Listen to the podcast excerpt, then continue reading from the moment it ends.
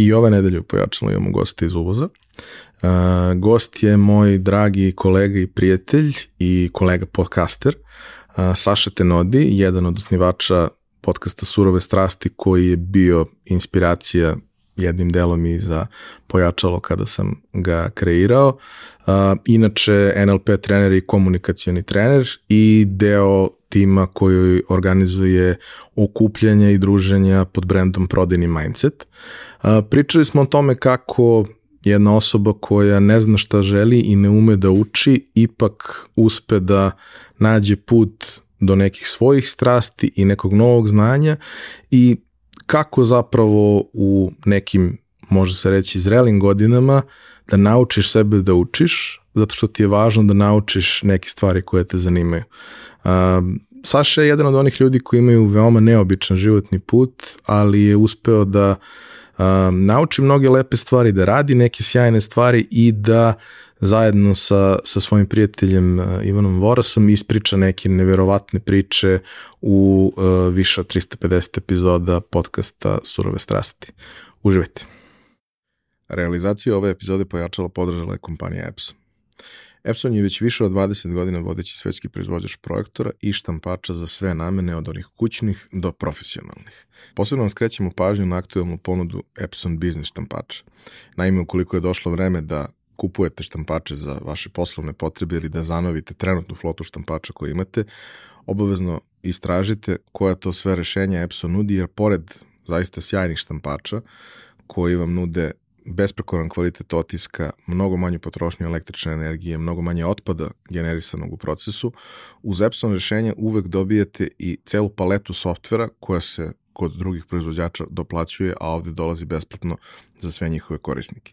Za više informacija pogledajte businessprint.com, piše se onako kako se izgovara. Hvala vam. imam još jednu važnu već za vas. Naime, od 1. maja sa krugom prijatelja radim na projektu naša To je jedno jako zanimljivo mesto za svakog ko je preduzetnik ili razmišlja da to postane. Mesto gde svaki dan izlaze neki interesantni korisni tekstovi, a jednom nedeljno predstavljamo neki zanimljiv mali biznis. Takođe, svakog meseca radimo veliki intervju sa nekim od zanimljivih ljudi sa, sa ovog tržišta, nekim od ljudi koji su lideri u, u onome što rade, pa tako evo, prvog meseca imamo Slavimira Stojanovića futar. Uživajte, informišite se i pretplatite se na mailing listu ako su vam teme zanimljive, jer onda će vam svake nedelje stizati digest svega toga svakog ponedeljka na mail. Hvala vam. Za slučaj da želite da nas podržite vi individualno, uh, možete da posjetite link u opisu podcasta na platformi Buy Me A Coffee i tu možete kupiti mesečnu pretplatu ili jednokratno donirati neki jednost koji želite. Hvala vam unapred na tome.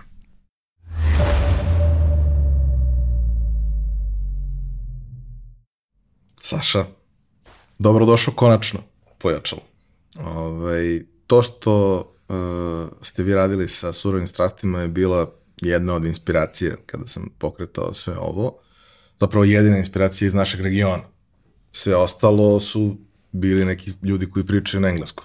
Mm. jedino sam kod vas mogao da čujem nešto slično onome što sam hteo da radim, ali je kod vas bilo dosta drugačije jer postoji ta neka dinamika između mhm. dva hosta plus gost koji dolazi i da kažemo teme su bile e, iako slične, malo drugačiji način na mhm. koji je sve to pričano, ali svakako e, velika inspiracija, hvala puno na tome i e, ono što mi je isto bilo jako važno, vi ste mi nekako pokazali i, i, i učvrstili moje uverenje da je sasvim ok bazirati se na audio mhm. publici, Uh, ok, mi imamo video komponentu, mhm. zato što smo želeli od starta da to uradimo jer imamo resurse za tako nešto, ali smo od starta isto tako postavili pravilo da ne može god da donese fotografiju zato što mhm. ili ne možemo da ubacimo grafiku ili ne možemo da ubacimo mhm. ništa slično jer jednostavno mora da se objasni rečima jer onaj ko sluša neće to doživeti ovaj, na isti način kao onaj koji gleda, a ne sme da ispašta ona core publika, core mm. publika su ljudi koji slušaju. Tako da, hvala ti na inspiraciji i hvala što si došao.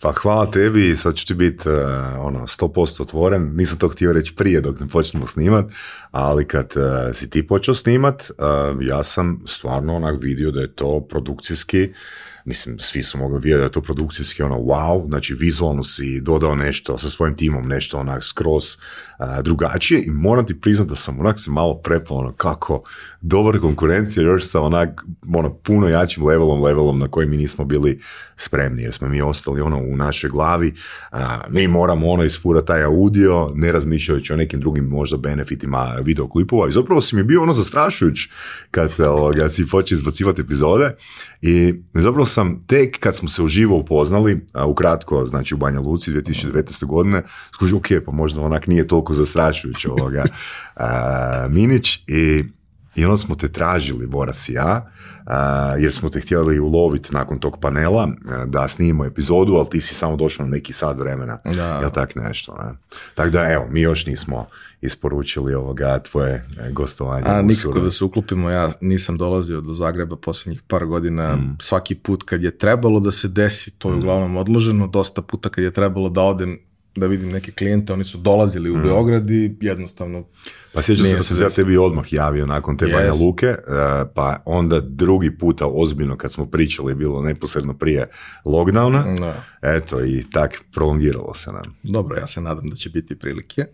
Ovaj, e, Vedran je bio u jednoj od prethodnih epizoda mhm. e, i tu smo shvatili koliko se vi zapravo ne slažete, iako se mhm. slažete. Mhm ali ono e, sa čime sam počeo e, razgovor sa njim, volio bih time da počnem razgovor i sa tobom, pa ćemo se onda vratiti hronologiji mm -hmm. i svemu mhm. ostalom što, što je vezano za pojačalo, ovaj, jeste ta cela priča sa prate, dovodite Jordana Belforta u Zagreb, ovaj, kako, zašto. On je ispričao svoju vizuru, ajde ti ispričaj svoju. Ovako, znači, um, ja smatram da, i zato se i radim podcast i zato sam i slušao podcaste eh, i puno audio knjiga, e, mislim ja kad sam, 2000, ja sam ti 2006. godine, 2005. Eh, 2006. godine sam čistio podzemne garaže u Zagrebu, na taj način sam se financirao eh, na fakultetu i tad sam ja otkrio audio knjige. Ja sam shvatio, ono, ako radiš negdje ono 8 sati, znači možeš dobiti ono veću vrednost od toga, recimo da ja danas upisujem neki fakultet, ja bi dobro raditi kao portir. da, mogu, da mogu učiti, da mogu e, slušati e, audio materijale. I zapravo, mm, to je mene ono počelo ono oplemenjivati. Na?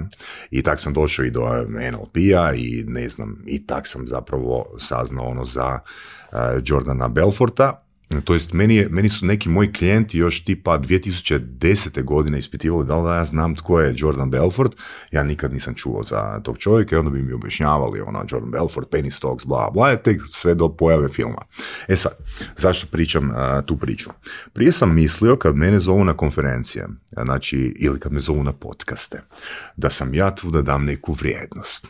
U smislu, kao da ja zapravo pomažem tebi jer sam ja ovdje i onda sam u biti s vremenom shvatio da zapravo sam ja taj koji uzima vrijednost od tebe. Znači ja uzimam tvoje vrijeme, ti meni daješ priliku da se ja predstavim zapravo svoje publici. To je svoje publici. I kad smo napravili prvu konferenciju 2022. godine, shvatio sam da smo onako odabrali predavače koji su napravili dobar predavački posao. Znači, kad bi mene zvali na konferenciju, ja bi napravio onak po svojim kriterijima dobar predavački posao. Sam i ostao u tom uvjerenju, ja sam taj koji vama pomaže kao organizator na konferenciji. I on sam nakon svoje konferencije, to jest nakon naše konferencije, shvatio zapravo je priča obrnuta. Znači, ti meni daješ priliku da se ja predstavim, ono, ali ti si mogu tu priliku dati nekom drugom. Dakle, i on sam stvorio taj princip, sjećam se točno tog sastanka nakon te konferencije, rekao sam, čemu meni služi predavač? ako taj predavač meni ne prodaje kotizacije. Čemu služim ja tebi kao gost podcasta ako ja ne, ako ja sa svojim gostovanjem ne doprinosim tome da ti dobiš barem pet ili deset novih slušatelja. da, zapravo ja sam došao, predstavi se, tvoj, predstavi se tvoje publici, ali nisam ti donio novu vrijednost. I rekao sam, ok, ja idem na sljedeći princip. Meni nije bitno da su predavanja dobra meni je bitno da svaki predavač na mojoj konferenciji doprinosi tome da u svojim komunitima širi, ja ću biti tad i tamo i pripremit ću fakat super temu. I kako su oni pričali, i mislim da se većina ljudi za stolom nije slagala sa mnom, ja sam samo ušutio i odlučio sam uzeti svoj mobitel i poslao sam mail Jordanu Belfortu. Pretpostavka je bila sljedeća. Dakle, nije bitno koliko osoba košta. Znači, radije ću uzeti Jordana Belforta koji košta x novaca, jer ja znam da će Jordan Belfort biti lead magnet za konferenciju. Ok? A, a vrhunski predavači koji će isporučiti ono vrhunski sadržaj, ako oni to ne oglase, oni nisu lead magneti za moju konferenciju, ja s konferencijom moram biti u plusu. Jel tako? I to je zapravo moja baza. Znači, više nema predavača i, i, ne želim niti ja biti predavač na drugim konferencijama ako ja ne mogu garantirati da ću ja svojim prisustvom uspjeti ono i oglasiti i pomoći organizatorima konferencija. Evo, to je neki princip ono koji sam se stavio u glavu. Jer velim, zbog čega bi netko nama dao novac kao predavačima? Ok? I onda, znači, da li, to, to, ti je super primjer jednog mog prijatelja iz jednog uh, tjednika, Međimorske novine, tjednik, kaže, tipa 2008. Pa godine me pokušam motivirati da pišem male ono člankiće od 1800 znakova. I u prvom broju, u kojem sam nešto tak napisao, mi je, e, mi je stavio ti na, ja mislim, na 22. stranicu. U drugom broju, kad sam napisao neki člankić, me stavio na 18. stranicu. Znači, ja kažem Tomo, ovoga, pa još koji tjedan i ja sam ovoga na prvoj i drugoj stranici, na naslovnici. Kaže on, gle Saša, ne budeš. Osim ako ne napraviš neko veće sranje. Zato veće sranje prodaje. Dakle, to je način na koji mi biti mi svi trebamo po meni funkcionirati. Znači, razmišljati koju prodajnu vrijednost dajemo našim prisustvom. Hoće li moj članak povećati, mislim, common sense, ali ne razmišljam o tome. Ja sam izdvojio svoje vrijeme da napišem neki članak. Da, ali taj članak ne prodaje do dodatnih ono pet ili 20 primjeraka novina, mi smo samo, ja sam samo uzeo ovoga, onaj dio tiska u novinama koji netko mora platiti, a taj dio moraju platiti oni. Tak je nastala ideja oko zvanja s Jordanom Belforta i sad što ti se dogodilo, da će, to moram provjeriti u mailu, ali ja mislim da ti je meni respons došao za vrijeme tog sastanka. Dakle, dakle, ja njima nisam rekao da sam kontaktirao Jordana Belforta, nego Zapravo, ja, priča ti ide ovako, ja sam ga 2016. ili 2017. kontaktirao, jer sam napravio NLP blog i mislio sam, ok, on je NLP-ovac, on je i salesman, ajmo mi napraviti neki članak. Ali onako on vjerojatno takvih upita dobiva 80 dnevno. I naravno da nisam dobio respons, ali ovaj put sam išao sa drugom strategijom, išao sam sa strategijom da imam ogroman budžet, koji naravno nemam. Jer meni u glavi bio samo jedan cilj, Cilj je bilo dobiti respons, znači dobiti u komunikaciju. Tako da za vrijeme tog sastanka, ako se ne varam, i možda koji sat kasnije, doslovno isti dan je došao respons kad možemo dogovoriti sastanak. Eto. I?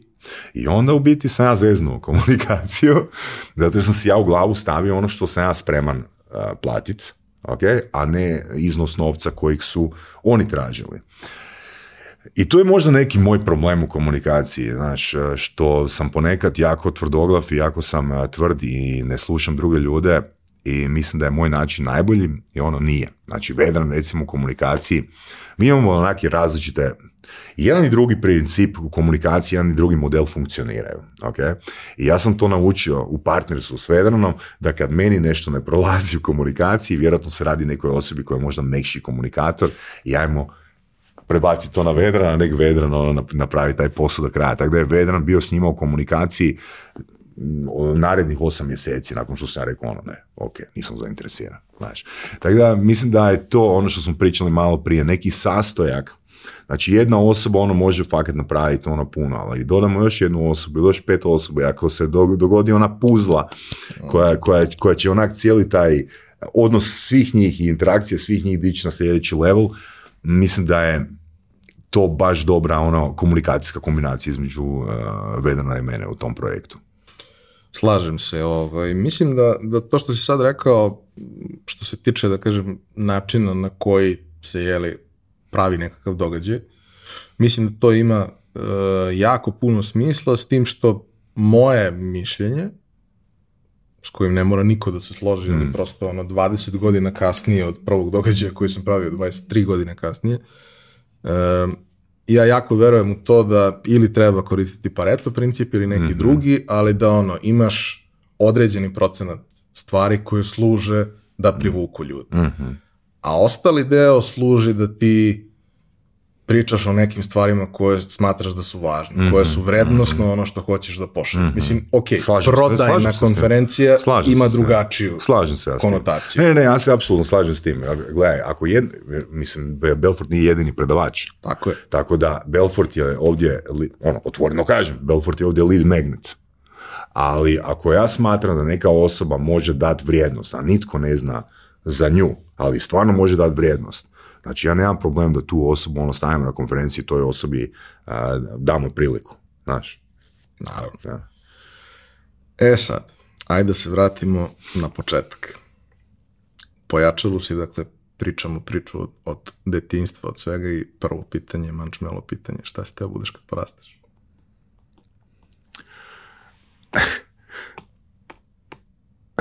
mislim da, možda ću reći krivo, ali sjećam se kad sam tražio neke, mama me odvela u eh, neki obučarsku radnju i trebao sam iz nekog razloga kupiti eh, cipele. Ne?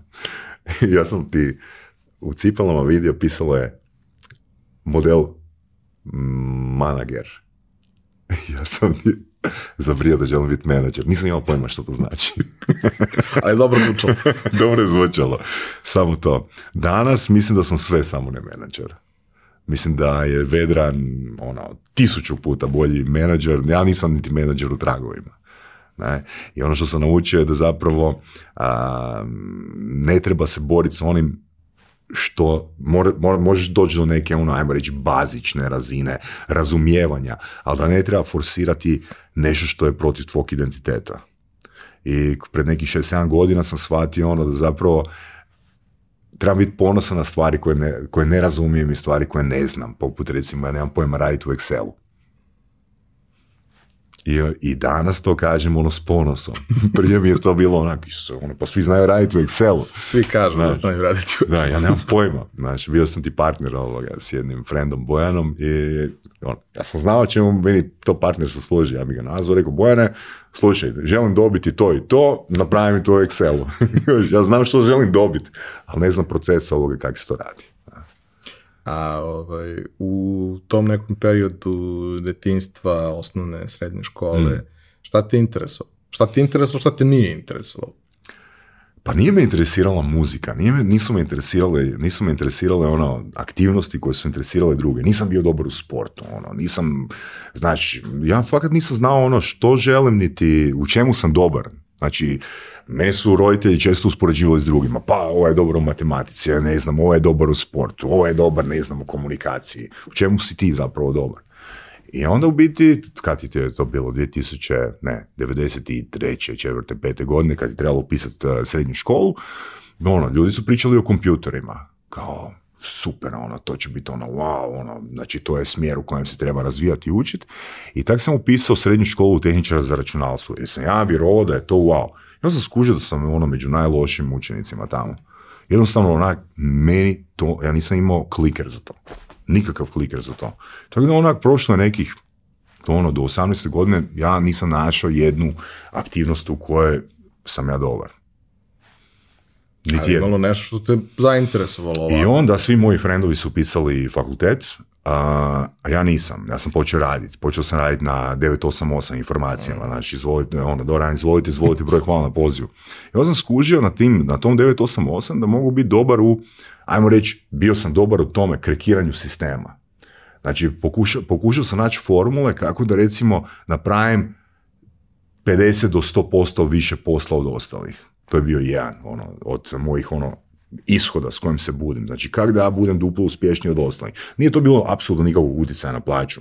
ono, ili tipa, kad sam radio u prehrambenoj ono, jednoj firmi, znači, meni je bilo u interesu kak da ja više nego moj konkurent, mislim radimo za istu plaću na studentskom smogovoru, kak da ja prije složim tu paletu čokoladnih mlijeka od njega? Ili kak da ja brže odnesem te kutije ovoga, na peti kat od svih drugih koji to rade, znaš? I kak su svi moji bili na fakultetu, ja nisam ovoga bio uopće zainteresiran za učenje, formalno učenje. moji roditelji su imali dosta knjiga u kući i onda sam ti vidio neki set od set smeđi knjiga. Erich Fromm. I, ok, svi oni uče, pa idem ja vidjeti da li mene to interesira. A do tad nisam čitao knjige uopće. Ono, lektiru, isto onak, varao bi na tome. I ja sam ti uzeo knjigu Anatomija ljudske destruktivnosti. Ja čitam anatomiju ljudske destruktivnosti, to ima onaki o biologiji, o ne znam, behaviorizmu i tako dalje, i ja skužim, wow, pa meni to je interesantno. I krenem ti ja ono, knjigu po knjigu od Froma čitat. Znaš. I onda sam opet počeo ljudima ići na živca. I zapravo fakt sam upisao sa 22 godine, jer sam ti vjerojatno nesjesno kroz taj proces čitanja Froma, shvatio da mene interesira ljudsko ponašanje, razumijevanje ljudskog ponašanja. I tako da sam ja zapravo kliknuo s idejom da upišem fakultet koji se bavi razumijevanjem ljudskog ponašanja. By the way, ako gledatelje zanima preporuka, znači prošle godine, to je pred prošle godine sam naišao na fantastičan set predavanja na temelju, na, na temu ljudskog ponašanja i uzroka ljudskog ponašanja s behavioralne strane, biološke strane, neurobiološke strane, endokrinološke strane, autor, to, odnosno predavač se zove Robert Sapolski, to je mhm. stanfordski profesor, znači on se toliko oduševio sa E, širinom e, njegovog e, znanja, ono, s kojih sve perspektiva objašnjava ljudsko ponašanje, da sam 40 sati njegovih predavanja pogledao u 8 dana. Tako da moja preporuka, vrhunski predavač, to je meni jako bitan kriterij da je vrhunski predavač i stvarno ono, možda se neće vam svidjeti apsolutno svaka tema, ali čovjek stvarno zna. Ima čak ono kao teaser, mislim da je TED Talk ono, od nekih 15 minuta gdje objašnjava ono te ključne principe, pa neki ljudi vide da li će ih zainteresirati ili ne. Odlična preporuka i ja sam odslušao ne sve, ali dobar deo. I što misliš o njegovom pa prezentaciju? Mislim da je sjajno. Znaš, mislim, e, skapirao sam vremenom zapravo, iako jeli, medicina mi nije bliska preterano, skapirao sam da je e, ono što je neophodno da se desi u nekom narednom periodu, ako želimo da napredujemo, ako medicina želi da napreduje, je multidisciplinarnost mm lekara, odnosno da više ne možeš da budeš specijalizovan za jednu mhm. stvar, jer ako si specijalizovan za jednu stvar, to je ona situacija, mhm. ako držiš čekić i ruči, sve ti izgleda kao mhm. Nego da je zapravo ono, ključ da si izuzetno stručan u barem dve oblasti medicine i da imaš barem dva pogleda na istu stvar, a da će zapravo, jeli, oni koji imaju još više specijalizacije ili možda ne specijalizacije, ali interesovanja, dobijati mogućnost da možda realnije sagledaju neke, neke probleme i da naprave možda u nekim situacijama pre, bolju prevenciju. Da, mislim, velim, to je moja struka, ajmo reći, ovoga ponašanja, ali zapravo mi je dosta proširio glavu e, Robert e, Sapolski sa svojim e, predavanjima i tipa, evo, izdvojio i par primjera ako mi dopustiš. Recimo, dva primjera koje bi izdvojio, jedan ili dva, vidjet ću. Jan je na temu alkohola ili tipa testosterona. Možemo to sve pod jedan primjer. Zapravo, kao uvjerenje je da je testosteron generator agresivnog e, ponašanja. I ne znam da si gledao taj dio gdje on to objašnjava. Znači, napravili su zapravo eksperiment sa pet gorila. I ti ako staviš pet gorila ili pet ljudi, svejedno, u isti okvir, znači vrlo brzo će se postaviti neki odnos, neka dinamika grupe. Znači, imat ćemo jednu osobu ili imat ćemo jednu životinju koja će se ajmo reći, transformirati u alfu, odnosno drugi će onak primiti inpute od nje, aha, ok, on je glavni i mi se trebamo pokoravati njegove volje. Svjesno, nesvjesno, to se recimo u komunikaciji naziva frame control ili ti ga kontrola okvira. E sad, što su napravili, znači, unutar tog eksperimenta?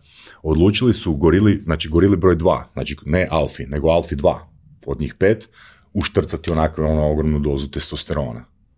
I gorila broj 2 je postala agresivna ali ne prema jedinici, nego prema trojici, četvorci i petici. No. I onda su stavili testosteron gorili broj 3, isto je postala agresivnija, ali prema četvorci i petici. Četvorka prema petici. Ali nisu dirali onu gorilu koja je u hirarhiji bila iznad njih od početka.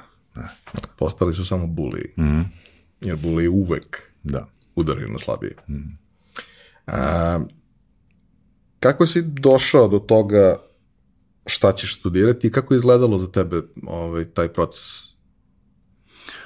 Pa ajmo reći da je to ono bilo u meni, ne? Znaš, što, što me interesira, ali ja nisam imao niti pojma što to je i da nisam imao pojma da to uopće postoji. Znaš, puno ljudi komunicira, ja želim učiti psihologiju. Ono, je, mene je od uvijek interesirala psihologija. pa mislim, ajmo reći da smo tak nekakvi odgojeni ono, kroz e, filmove, da nas interesira ono, psihologija, da nas zanimaju psihološki trileri i slično. I mislim da je pred 20 godina ono bilo baš poplava filmova na temu, ne znam, i e, multiple personality Disorder i slično. I ovoga, znači, vrlo zanimljiva situacija, nisam imao pojma što želim, imao sam 22 godina i Slučajno sam pozvonio na vrata prijatelju s kojim nikad nisam imao ja na jedan odnos, uvijek je bio odnos u grupi i pozvonio sam mu na vrata pretpostavljajući da se vrati u Varaždin. Ono. I to je bilo četvrtak na večer. I on me, on me zamolio ono kao da li bi mogao doći ono kod njega ono u sobu, ali kažem, jako je bitna informacija da nikad nisam s njim imao jedan na jedan odnos. I meni je bilo nelagodno. Ono, ja sam došao do njega, ajmo reći samo da skratim priču, došao sam do njega onak da popričam idemo sutra ili preksutra van cugat. I on me pozove gore i ja onako, ma, ne bi, idem radije doma, znaš. Idem doma, vidimo se sutra, preksutra. I on kaže, pa daj, ali imaš neki plan? Ja kažem, pa nemam. Kažem, pa daj dođi gore na sok. I ja se nečkam, nečkam, znaš. I kažem mu sebi i prelomim i kažem, može. Znaš, ajde idem na jedan sok. I dođemo mi u njegovu sobu i on donese taj sok i okrene se prema meni, on ima vrlo zanimljivu komunikaciju, ono, baš drugačiju komunikaciju, drugačiju glavu od skoro svih ljudi koje sam ikad upoznao, vrlo vjerojatno i svih. I kak nismo imali taj jedan na jedan odnos, njegova komunikacija i ta sva energija te prostorije je bila onak totalno čudna i malo kripi. I sjećam se da se on okrenuo prema meni i pitao me rečenicu, što ti želiš u životu? I ovoga, ja kažem, pa nemam pojma, fakat ne znam, imam 22 godine, znači zanima me u životu imati nešto svoje, a mama je logoped i, ajmo reći, dosta uspješan logoped i ona me nagovara kao, joj, pa daj mogu bi upisati fakultet, ono, s 22 godine, pa možda možemo nešto zajedno raditi kad završiš faks. Ne? I kaže ona, što ti misliš o tome? Pa kažem, ja bi radio nešto svoje, a logopedija, logopedija me uopće ne interesira. I on se u tom trenutku nagne i otvori ladicu. Znači, govorim to 2003. godina, četvrti mjesec, to je treći mjesec. I on otvori ladicu i svrha te ladice uzima jednu knjižicu i ta knjižica je bila plave boje i pisalo je vodič za brucoše 99. na 2000. godinu. Znači, mi situaciju da je to četiri godine bilo u njegovoj sobi i kad je on izvukao tu ladicu, to je bilo na vrhu. I već mi je to bilo čudna e, situacija. I on kaže, reci logopedija, koji je to faks? Ja kažem, ti ne znam koji je to faks, defektologija, kažem. Znaš, I on kaže, defektologija, a to je e, edukacijsko-rehabilitacijski. I ja kažem, vjerojatno da, i on otvori i kaže, ok, tu imaš logopediju, imaš rehabilitaciju i imaš poremećaj u ponašanju. I kad je on izgovorio poremećaj u ponašanju, ja sam rekao, poremećaj u ponašanju? Daj mi priče više o tome. I on je sad to pročitao. I kak je on čitao ono opis onoga što rade ljudi koji se baje poremećajem u ponašanju, meni se vjerojatno u glavi asociralo s onim temama koje sam, znaš, čitao kod Froma, ja sam ti osjetio samo emociju. To je to. Znači, to je to. To mora biti to. Da mi je netko dva sata prije rekao, znači, evo, dajem ti tisuću eura do kraja života, radi posao, ne znam, budi konobar. Ja bih vrlo vjerojatno rekao da. Ali nakon, niš protiv konobara, ono da mi krivo ne, itko ne shvati, da mi je rekao ono budi portir, konobar, ne znam, što god, čitaj knjige u knjižnici, ono, znaš. Ali u tom trenutku kad je on to meni pročitao, kad je to kliknulo, znači više nije postojao niti jedan kriterij koji bi mene tada skrenuo s tog puta. I to je ono što se zove, neki ljudi to zovu autentičnost, ja to zovem kongruencija. Kongruencija je po definiciji čvrsto uvjerenje osobe da je nešto tak i nikak drugačije. To nužno ne znači da je osoba u pravu. To samo znači da osoba ima čvrsto uvjerenje. Dakle, kad mi vidimo osobu da je ona utjecajna u komunikaciji, kad mi vidimo osobu da ona koristi, ne znam, snažnu neverbalnu komunikaciju, mimiku lica ili glas, to ne znači da je ona nužno trenirana na nekim komunikacijskim ili prezentacijskim vještinama. To samo može znači da je osoba 100% uvjerena u ono što želi postići ok E sad, kad je osoba 100% uvjerena ono što želi postići, e, onda ju ti ne možeš izbaciti van iz tog okvira i ona ide prema ostvarenju tog ishoda. I ona će ostvariti taj ishod, osim ako joj se na tom putu ne pojavi neka opcija B koja će ju skrenuti s tog puta, koja će uništiti ili malo rasklimati tu kongruenciju. I tak ti je zapravo krenula ta priča, moj upis na fakultet sa 22 godine. Znači, ono što smo pričali, znači samo jedan mali trigger ono sam naučio vjerovati. Samo jedan mali trigger, možda je to samo jedna rečenica, možda jedna situacija, može čovjeku ono, stvarno sam onako uvjeren, pogotovo ako je osoba traži, jer ako je nesigurna, može onak totalno promijeniti osobi tijek života. Slažem se. E, kako je bilo iskustvo sa, sa studiranjem? Mislim, prvo dolaziš tamo i stariji si od svih. Mm. Pa ima, ima više razlika, zato što je, zato što je zanimljivo je to da sam u srednjoj školi nas je bilo 36 kao tehničara za računalstvo. Mm. Muškaraca, nula žena. E, sad ulazim u skroz drugačiji okvir. A, to je 30 i ja mislim da je 27 ili 28 žena bilo. Znači, to je prvi kriterij koji je drugačiji. Drugi kriterij, znači stariji sam od njih. E, treći kriterij, e, oni su gimnazijalci, ja sam e, tehničke struke. Mislim, malo ko tehničke struke upisuje takav fakultet. oni znaju učit, ja ne znam učit. Jer ja kad sam odlučio da idem na taj fakultet, znači ja sam imao drugi problem, to jest puno bitniji problem. Ja nisam ne samo da ja nisam znao sociologiju, da psihologiju i biologiju, jer mi smo biologiju imali samo na, u, pa, u prvom razredu srednje škole. Sociologiju mi nismo imali i psihologiju nismo imali uopće. Znači ja sam to trebao naučiti za prijemni ispit. Ali, to nije bio glavni problem. Glavni problem je bio što ja nikad nisam znao učiti. Jer sam ja prolazio s tri ili sa četiri. I onda sam ti kad sam odlučio da ja to želim, onda, onda više onak ne, ne idem, ono, neću se maknuti s tih tračnica, nego sam shvatio da ako ja učim na svoj način, onda neću doći do rezultata iz razloga nisam i prije dolazio do rezultata. Dakle, ako, te ono što, ako me ono što radim ne dovodi do ishoda, ja moram promijeniti svoje strategije. I prva stvar koju sam napravio, promijenio sam načine učenja, tako što sam uzeo u knjižnici na preporuku tog mog prijatelja knjige kako učiti. I onda sam učio o mnemotehnikama, učio sam e, o mentalnim mapama, pa nešto malo i brznom čitanju i slično, da si promijenim pod broj jedan stav prema učenju i drugo da si promijeni procese. Okay? Jer za mene nije funkcioniralo ući na glas ili sjedi i zagrijavaj stolicu, znaš. Za mene to ni malo nije funkcioniralo. Ali kad sam tu dodao neke nove elemente poput mnemotehnika ili mentalnog mapiranja, shvatio sam da to za mene funkcionira. Okay? A koliko je drugačije kada učiš nešto što te zapravo interesuje? Pa ja mislim da je to jedino važno. Mislim da je to jedino važno. Mislim da i tehnike učenja nisu ključ uopće. Tehnike učenja bi trebale akcelerirati nešto. Ja bi, ja ja to usporedio sa, opet sa gorilama. znači, ako tebe, ako tebe nešto interesira, okay, ono, onda ćeš biti zainteresiran onda će biti zainteresiran možda poboljša taj proces. Ali samo poboljšanje procesa od nečega prema čemu ne osjećaš vrijednost ne znači da ćeš doći do svog ishoda. Znači to mogu uzeti kao primjer.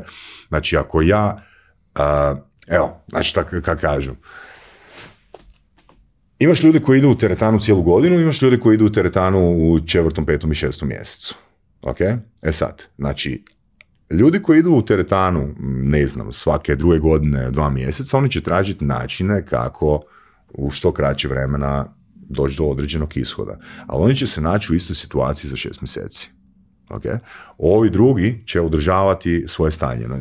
Na njima ljudi neće primijeniti određene promjene, okay? nego će oni održavati svoje stanje, zato jer su oni po defaultu motivirani za to, odnosno osjećaju vrednost prema toj aktivnosti. Ili ljudi koji čitaju, ljudi koji ne čitaju. Sjećam se, evo recimo primjer, ja sam se bavio brzim čitanjem, to je podučavao sam ljude brzo, brzom čitanju i mentalnom mapiranju i tim nemotehnikama, pa bi me znali nazad roditelji, postaviti mi pitanje, Jel vi meni garantirate da će moje dijete nastaviti čitati nakon što završi vaš, vaš seminar?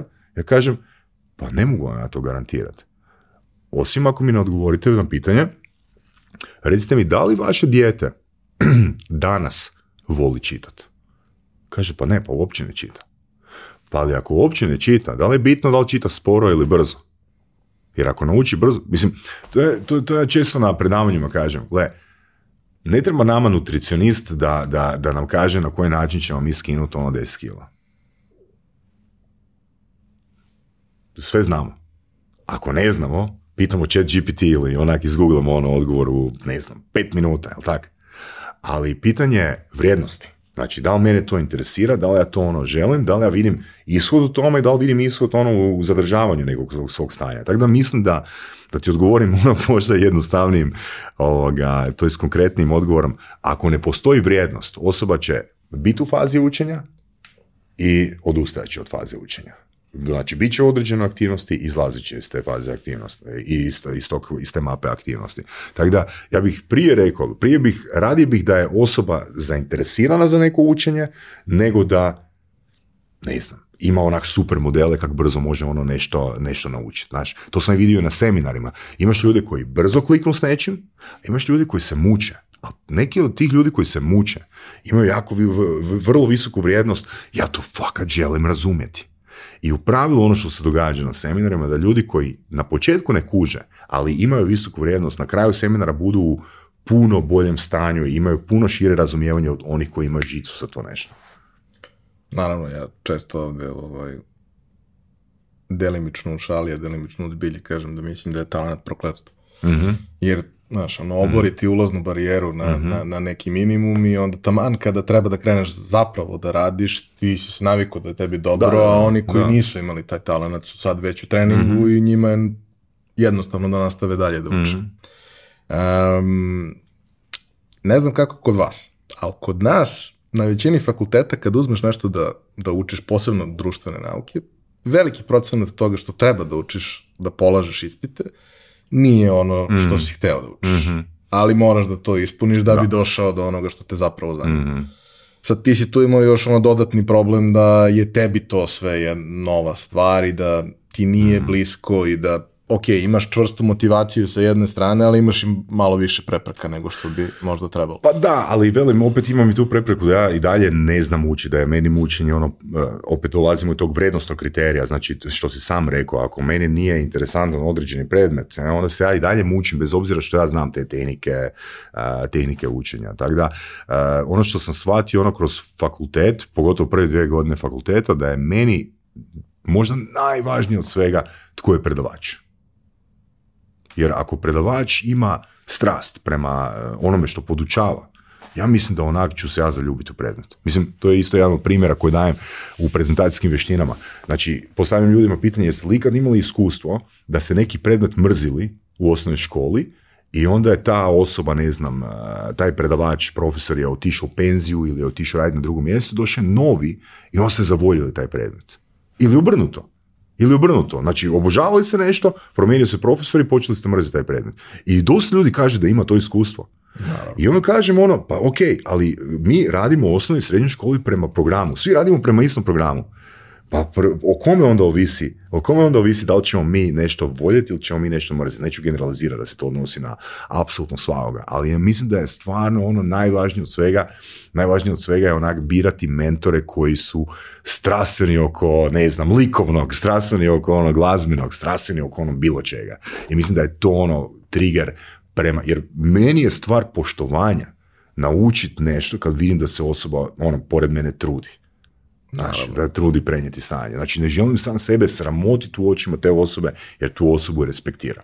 Tako je, tako je. Postoji taj osjećaj odgovornosti i mhm. vrlo često se dešava to da ono, možda i profesore koji su izuzetno strogi, mhm. imaju jako visoke mm. kriterijume, vole ih učenici, čak i oni koji nemaju mhm. dobre ocjene kod njih, zato što znaju koliko im je stalo da. da ti naučiš taj predmet i, da kažem, ajde, kroz moje školovanje uglavnom su to bili ljudi koji su predavali neke stvari koje jesu važne. Ovaj, one stvari koje nisu bile preterano važne za, za naše školovanje, tu je bilo i ovako i onako, bilo je profesora koji su zanimljivi, bilo i oni koji nisu, ali znaš, to nekako preguraš i to ti mm niko, mhm. ni, te ni ne forsira nešto mhm. preterano za, za to. Ali naravno da ovaj, svako ima barem neki primer gde se tako nešto desilo, mhm. da ne možeš da ignorišeš strast i ljubav osobe koje je ispred tebe. Čak i ako se potrudiš, ti si dovoljno dugo izložen tome da ćeš u mhm. jednom trenutku popustiti mhm. i zaljubiti se u taj predmet. Mhm. Mi smo imali tu ovaj, situaciju da iako smo robotičari, dosta ljudi otišlo na društvene fakultete zato što smo imali super profesore društvenih ovaj, predmeta. E, šta si radio dok si studirao? Pa to radio sam, uh, radio sam u garažama, Uh, povremeno sam znao ono, tipa na drugoj godini fakulteta mm, slagat palete i slično, ono, nosi tak teže, fizičke poslove, ništa preteško, ali ajmo reći fizički posao mogu bi to stati u tu kategoriju, onda sam ti se zaposlio uh, u tim garažama Zagreb parkinga, tipa imao sam četiri ili pet garaža, ono, imao sam fantastičnog šefa koji mi je rekao sljedeće, faks nek ti bude na, faks nek ti bude na prvom mjestu, mene samo zanima cilj, a cilj je da su te garaže čiste. Znači, da li ćeš ti te garaže očistiti unutar 8 sati u komadu ili ćeš ih čistiti ono na način da ćeš ići na fakultet poslušati predavanje pa se vratiti ono čistiti jednu garažu pa opet otići na fakultet. Znači, bitan je samo cilj. Okay? I rekao je, slučajno ti nije pao na pamet da ideš kombinirat da ne ideš na fakultet zbog čišćenja garaže. I mi smo taj dogovor imali na početku. I mogu ti reći da je tih nekoliko mjeseci čišćenja garaža bilo baš najproduktivniji, ovoga, najproduktivniji periodi na faksu. Jer, jer se ti, to je, znaš, ne, znam da sam pročitao tu rečenicu, ne sjećam se ono autora citata, ali rečenica glasi ovak, if you want something done, give it to a busy person.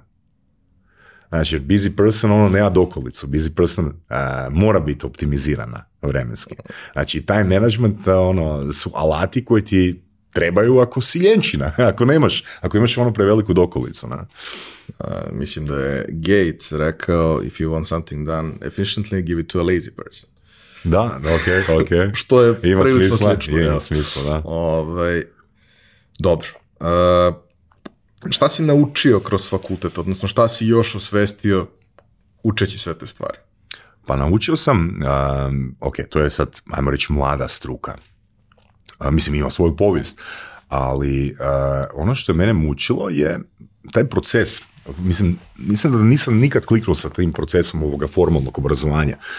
Evo, daću ti primjer. Na primjer, mm, jedna od radnih mjesta za koje sam ja bio zainteresiran raditi nakon tog fakulteta je bilo raditi u kaznionicama, raditi u zatvorskim sustavima. I proces kako smo mi u biti, mislim, bili smo na praksi ono, u odgojnim domovima i, i u zatvorima. I sjećam se tih nekoliko predmeta koje smo dobili na trećoj godini, mm, ali mi nismo imali obavezu položiti te eh, predmete do 39. kad se upisuje sljedeća godina. I, ali smo praksu trebali odraditi. I ja sam došao na tu praksu i meni je bilo super na toj praksi. I mi smo dobili naše mentore, koji su ljudi, znači struke, koji su ljudi koji imaju nekoliko desetljeća iskustva, ja sam shvatio koliko sam njima postavljao glupa pitanja. Zato što nisam položio teoriju. Znači, ja, ja, ja sam, pogotovo ono u zadnjih deset, desetak plus godina, sam postao ogroman fan teorije. Znači, mislim da je teorija generalno nešto važnije od prakse. Jer, ako jer teorija je zapravo nastala iz prakse. Ako ja znam teoriju, Ok? Mislim, ne mora, niš nije jedan kroz jedan, da, da, da ono što piše u knjigama će ono, jedan kroz jedan funkcionirati u stvarnom životu. Ali ću ja moć razumijevanjem te teorije puno kvalitetnija pitanja postaviti osobi koja je praktičnar, osobi koja je praktičar. Evo, to je nešto što bih promijenio. Znači, prvo da ti meni moraš položiti ono na fakultetu određeni ispit, ono, s dobrom ocjenom. Zašto? Zato da dobiješ i bolje razumijevanje kad dobiš dobiješ, praktično iskustvo, ali i da ne smaraš svog mentora. Jer tvoj mentor, ono, ti si njemu objektivno gubitak njegovog vremena. Pa onda onak ne biti glup, nego pokaži mentoru ono da zaslužuješ njegovo vrijeme i da možeš ono postaviti onak pitanja ko pravi student. Jer mislim da se na faksu sam onak zapravo shvatio ovoga koliko smo se mi zapravo uljenili jer mi smatramo da mi edukacijom moramo dobiti vrijednost. A opet ću se vratiti na ovaj primjer s konferencijom dakle, i predavačima na konferenciji. Dakle, samo riječ student, znači ono, studirati, ne? Znači studirati, ili to bi trebala značiti, u barem u mojoj glavi, želja za učenjem. Jer ako ja nisam dobio informaciju od svog profesora, tko mene sprečava da tu informaciju pronađem sam? To je strast prema učenju. Ako sam ja već odabrao fakultet na koji želim ići, onda moram biti strastveno kod toga, ne svaljivati odgovornost. Aha, program bi trebao biti drugačiji, ne? program bi, kao što sam ja sad recimo napravio, ne, ja sam taj koji treba potegnuti ono korak dalje ako nisam dobio to iskustvo u nekom programu formalnog obrazovanja. A posebno što danas je mnogo više stvari dostupno svima koji Tako, su zainteresovani. Da. Pre 20-30 godina doći do tih dodatnih nekih informacija je mhm. sigurno bilo neuporedivo teže. Mhm. Mnogo je teže pročitati da 50 knjiga, nego izguglati ono što ti treba, pa onda naći jednu knjigu koju treba da pročitaš. Tako je, ali opet tu, evo, taj primjer je. Ista stvar onoga što smo pričali recimo o brzom čitanju ili čitanju ili brzom čitanju. Ako svoj ima vrijednost, ona će naći informaciju. Na kraju krajeva. Ono, ne znam, kontaktirat će rodbinu u Njemačkoj ili ne znam di i tražit će knjigu koja ne znam, ima tu vrijednost ili rješava taj problem. Pa ja se sjećam ono, pa u knjižnice prije 20 godina, pa nije bilo pretraživa, pretraživača, nego su se vadile one ladice, ako se sjećaš, ono, mhm. vadile su se one ladice, ti si morao pretraživati ono po tim, ono, karticama. Pa sam taj proces je trajao ono desecima i desecima minuta da ti dođeš do knjige. Nisi niti znao koje sve knjige postoje, nisi mogao tematski, ali ako si htio, našao si ih. Ha? Nije bio takav izbor, ali ako si htio, našao si ih. Dobro, sad je svakako mnogo dostupnije. Da, kad si skapirao da ima tu stvari koje ti nedostaju, kako si ti kopao? Pa prvo tako što sam počeo slušati audiobookove uh, i e, recimo upisivao sam ti recimo razne programe poput autogenog treninga. Jer u biti ono što je mene interesiralo je kako da ja upravljam sa samim sobom. I autogeni trening je recimo fokusiran na to da ti upravljaš sa svojim stanjem. I neposredno, nakon nekoliko tih sati tog autogenog treninga, sam e, čuo za e, neurolinguistic programming, za neurolingvističko programiranje. I jako me zainteresiralo to, jer je to meni bilo predstavljeno kao, ono, čarolija. Okay? Znači, ako ti dođeš na NLP, ti ćeš moći, ne znam, sa 40 kg razbijati daske od 3 e, cm. Evo, na taj način je meni NLP bio prezentiran. I onda sam postavio pitanje čovjeku kojem je dečku kojem je s faksa kojem je to prezentirao, rekao sam, ok, što, što to znači, je li to borilačka vještina, čemu to služi? I on je rekao, ne, pa njihova baza ti je sljedeća, znači ako imamo dvije osobe sličnih fizičkih karakteristika i jedna osoba može postići ishod X, a druga osoba ne može, onda nije problem u tijelu, nego je problem u glavi. Što bi značilo da ako osoba, da osoba A koja može doći do tog ishoda, ima određeni program, ima određeni kod u glavi. A NLP se svodi na to da uzmeš taj kod iz osobe A i instaliraš u glavu osobe B. I tu sam ja zapravo kliknuo s NLP-a. I da skratim maksimalno priču, znači nakon prvih dva dana NLP-a, kad sam opisao NLP, sam se osjećao toliko napumpano sa samopouzdanjem, da sam onak, rekao sam sebi, čovječe, pa ja sam ovih dva dana naučio više praktičnih stvari nego u dvije i pol godine fakulteta. Znaš, Mislim, se ne uspoređujem ja sad teoriju, vrednost teorije koju smo dobili, ali ja sam se osjećao, Isuse, ako se ovo nastavi, pa ja ću nakon deset dana ovoga imat fakat ono, samo pouzdanje, da recimo i kad završim taj faks, lakše radimo ono u praksi, znaš. Tako da, e, zašto nisam kliknuo sa psihoterapijom? Sa psihoterapijom nisam kliknuo iz razloga jer puno je razloga zbog čega nisam kliknuo sa psihoterapijom, ali glavni razlog je ja više nisam htio da netko sabotira brzinu mog učenja. Jer ti, ako se odlučiš na psihoterapiju, to je proces koji traje 4 plus godina. Znači četiri godine nekog formalnog obrazovanja i onda imaš ono još nekoliko godina supervizije. Jedan od kriterija je jako visoka cijena. Okay? Znači, ne, ne, tu ne dodajem čak niti tu, tu komponentu vremena, ali to su ono jako veliki iznosi. I treće, četvrto, je to što ne postoji return on time, ne postoji return on investment psihoterapije. Jer netko ko je završio tih 5-6 godina, znači on želi povratiti tu investiciju i želi se baviti tim, jer ako se s nečim ne baviš, onako otići će ti to. I ti trebaš doći do klijenata. A di ćeš doći do klijenata? Znaš, ono, mislim, ti ljudi ne uče marketing, ne uče prodaju. A opet ono, ako mogu birati između tebe koji imaš 10 godina iskustva u gestaltu ili transakcijskoj analizi ili sebe koji sam ono 20% jeftiniji od tebe, ali nemam iskustva, pa onak ići ću na sigurno, odabrat ću tebe.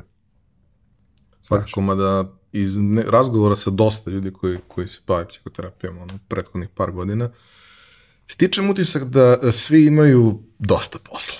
Posebno od vjerujem, COVID-a. Vjerujem, Tada to nije bilo. Znači, ja govorim ovdje o 2005. 2006. Uh, 2006. godini. Tako da, definitivno. Mislim da je COVID tu akcelerirao ono puno puno odluka koje bi možda trebali ono desetljeće da se, da se dođe do tih rezultata. Da? Ali mislim da cijela ta industrija već desetljećima i raste i self-help i taj ono, psihoterapeutski ono, community. Koliko imamo samo psihoterapeutskih pravaca na našem području, ne govorimo o sed u sed vjerojatno ima desetke tisuća.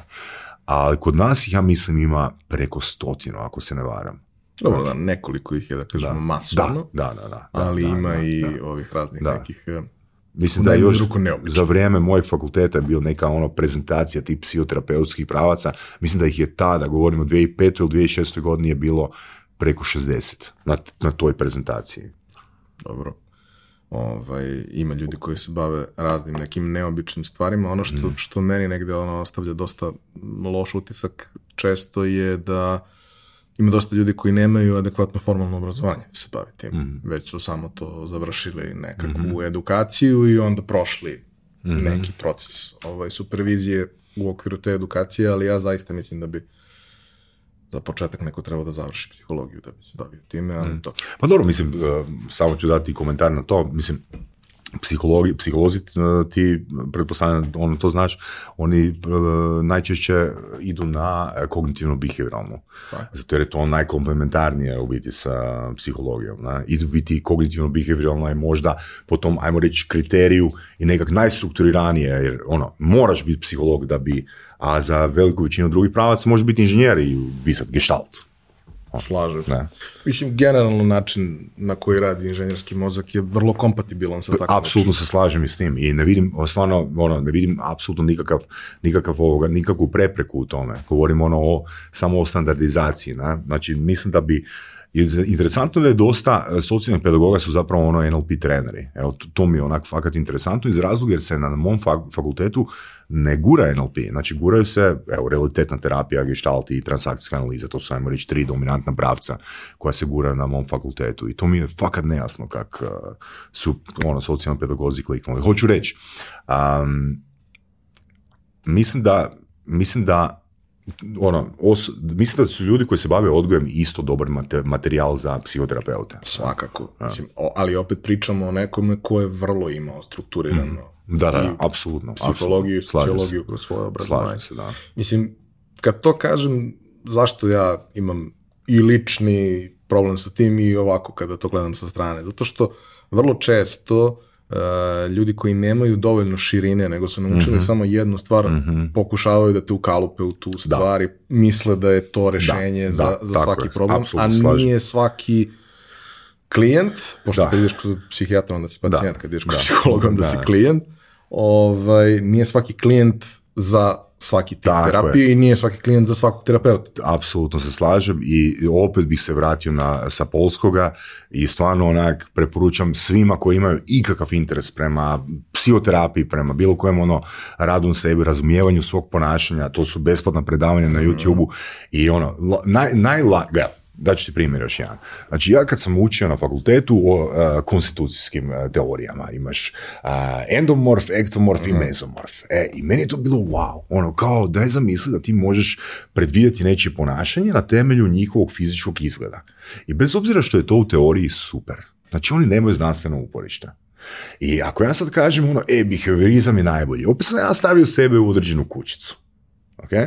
Znači, ne, sve je dobro, jer ono, što više ideš u širinu, ta multidisciplinarnost, nećeš biti ono zatvoren s tim, aha, razumijem. Jer čim prije kažeš, aha, razumijem, ja mislim da se tim prije onak se zatvorio za ono, širini onak svih ono uzroka i posljedica i ono, uzoraka koje dovode do određenog ishoda ponašanja. Bilo to ponašanje pozitivno ili negativno. Ne? Što bi rekao Steven Sigal, pretpostavka je majka svih zajedno. To bi Steven rekao. Ove, ovaj, Kaži mi, uh, ok, uh, eh, krenuo si dakle da ono, kupiš sa svih strana da. svašta nešto što ti je bilo mhm. interesantno. video si šta su ti opcije sa fakultetom, što se mhm. tiče zaposlenja, ali u kom trenutku si shvatio, ok, sad imam neku malo jasniju ideju ili makar smjer mhm. smer, čime želim da se bavim. Pa znaš, ja, kad sam ti, mm, ono, kliknuo sa NLP-em, pogotovo tih prvih e, jedan, dva modula, ja sam mislio da NLP može riješiti sve probleme na kogu zemaljsku. znači, mislim, onak suda. Znači, ja sam toliko fanatično pristupio ovoga, mislim ja inače jesam fanatik e, kad se primim nečega, te pa evo ja sam 2016. godine završio Grand Cardon e, ovoga program koji inače prosjek, prosječni učenik završava unutar dvije godine, ja sam ga završio unutar 34 dana. Znači, meni su se javili iz baze i onak postavili su mi pitanje ono koliko ljudi je u programu ali ja sam učio od 9 ujutro do ono 1 noći, ono, to je preko 300 sati materijala. Isto tako sam pristupio i učenju eh, NLP-a i onak, ja si kad učim nešto, ja, ja, ja si u svoju glavu postavljam rečenicu, ovo je to i ne postoji apsolutno niš drugo osim toga. A osoba od koje ja učim je Bog i nema drugih bogova osim te osobe. Što, ja znam da je to laž. Ja da znam da je to laž i onak nisam onak retard da ne znam da je to laž, ali to je rečenica koja meni pomaže jer gledaj, ako ja sumnjam u tebe kao svog mentora, ja ću sebi usporiti proces učenja. Ja u procesu učenja ne smijem preispitivati ispravnost onoga što ti meni komuniciraš. Okay? Kad ja završim taj program kod Granta Cardona, ja počnem preispitivati sve. Ali dok traje proces edukacije, ne preispitujem apsolutno ništa. Okay? Znači, želim na najbrži mogući način uzeti znanje od osobe koju vidi mentora i tek onda ući u onu fazu, ajmo sad pogledati da li ovo fakat radi, ne radi, da li je on u pravu ili je brijač. Okay? I onda se odjavljujem od svega i odlajkam na društvenim mrežama, sve i odjavljujem se s newslettera, ali kažem, meni to pomaže u e, procesu učenja. Ovo, fokus. Da, i ja sam ti u biti, kad sam učio NLP, znači ja sam cijeli dan bio u NLP-u, ono, tipa ne znam, hodao bi po cesti, ja bi pokušao ono neverbalno utjecati na drugu osobu da osoba ponovi neki obrazac za mnom, znaš. I tako je izgledalo ono, sve, kužiš, sve.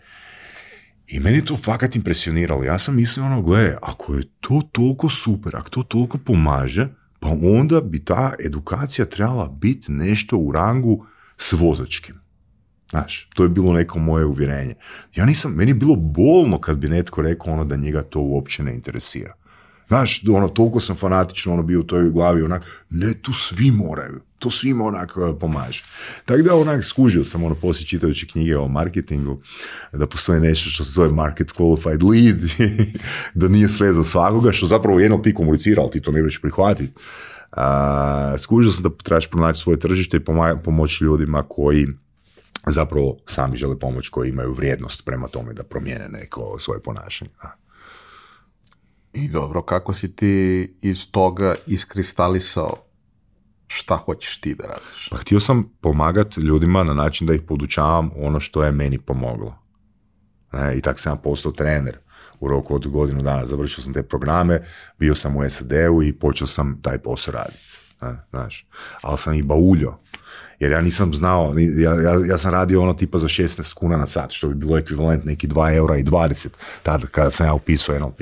Ja sam tada i otvorio svoju prvu firmu 2006. godine, počeo se baviti edukacijama, ali meni to nije bilo dovoljno. Ja sam bio toliko nahajpan sa e, time koliko sam ja sad sve ako sam se ja sa 22 godine opredijelio za faks, jer to nitko ne radi, vraga niko ne radi, samo ti u glavi svoje misliš ono, e, ja sam poseban. Mali broj ljudi. Radi. Da, mali broj ljudi radi i onda recimo, kako sam ja u godinu dana, znaš, ono, počeo zarađivati ono deset puta više novca nego što sam mislio da ću zarađivati, ono, pa da završim fakultet, ne bi toliko novca zarađivao ko na trećoj godini faksa, znaš.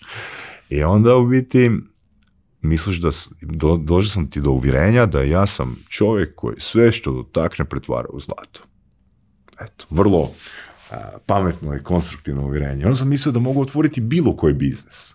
I da će taj biznis onak donijeti planetarni uspjeh. Koliko dugo je trajalo? Pa nekih tri mjeseca.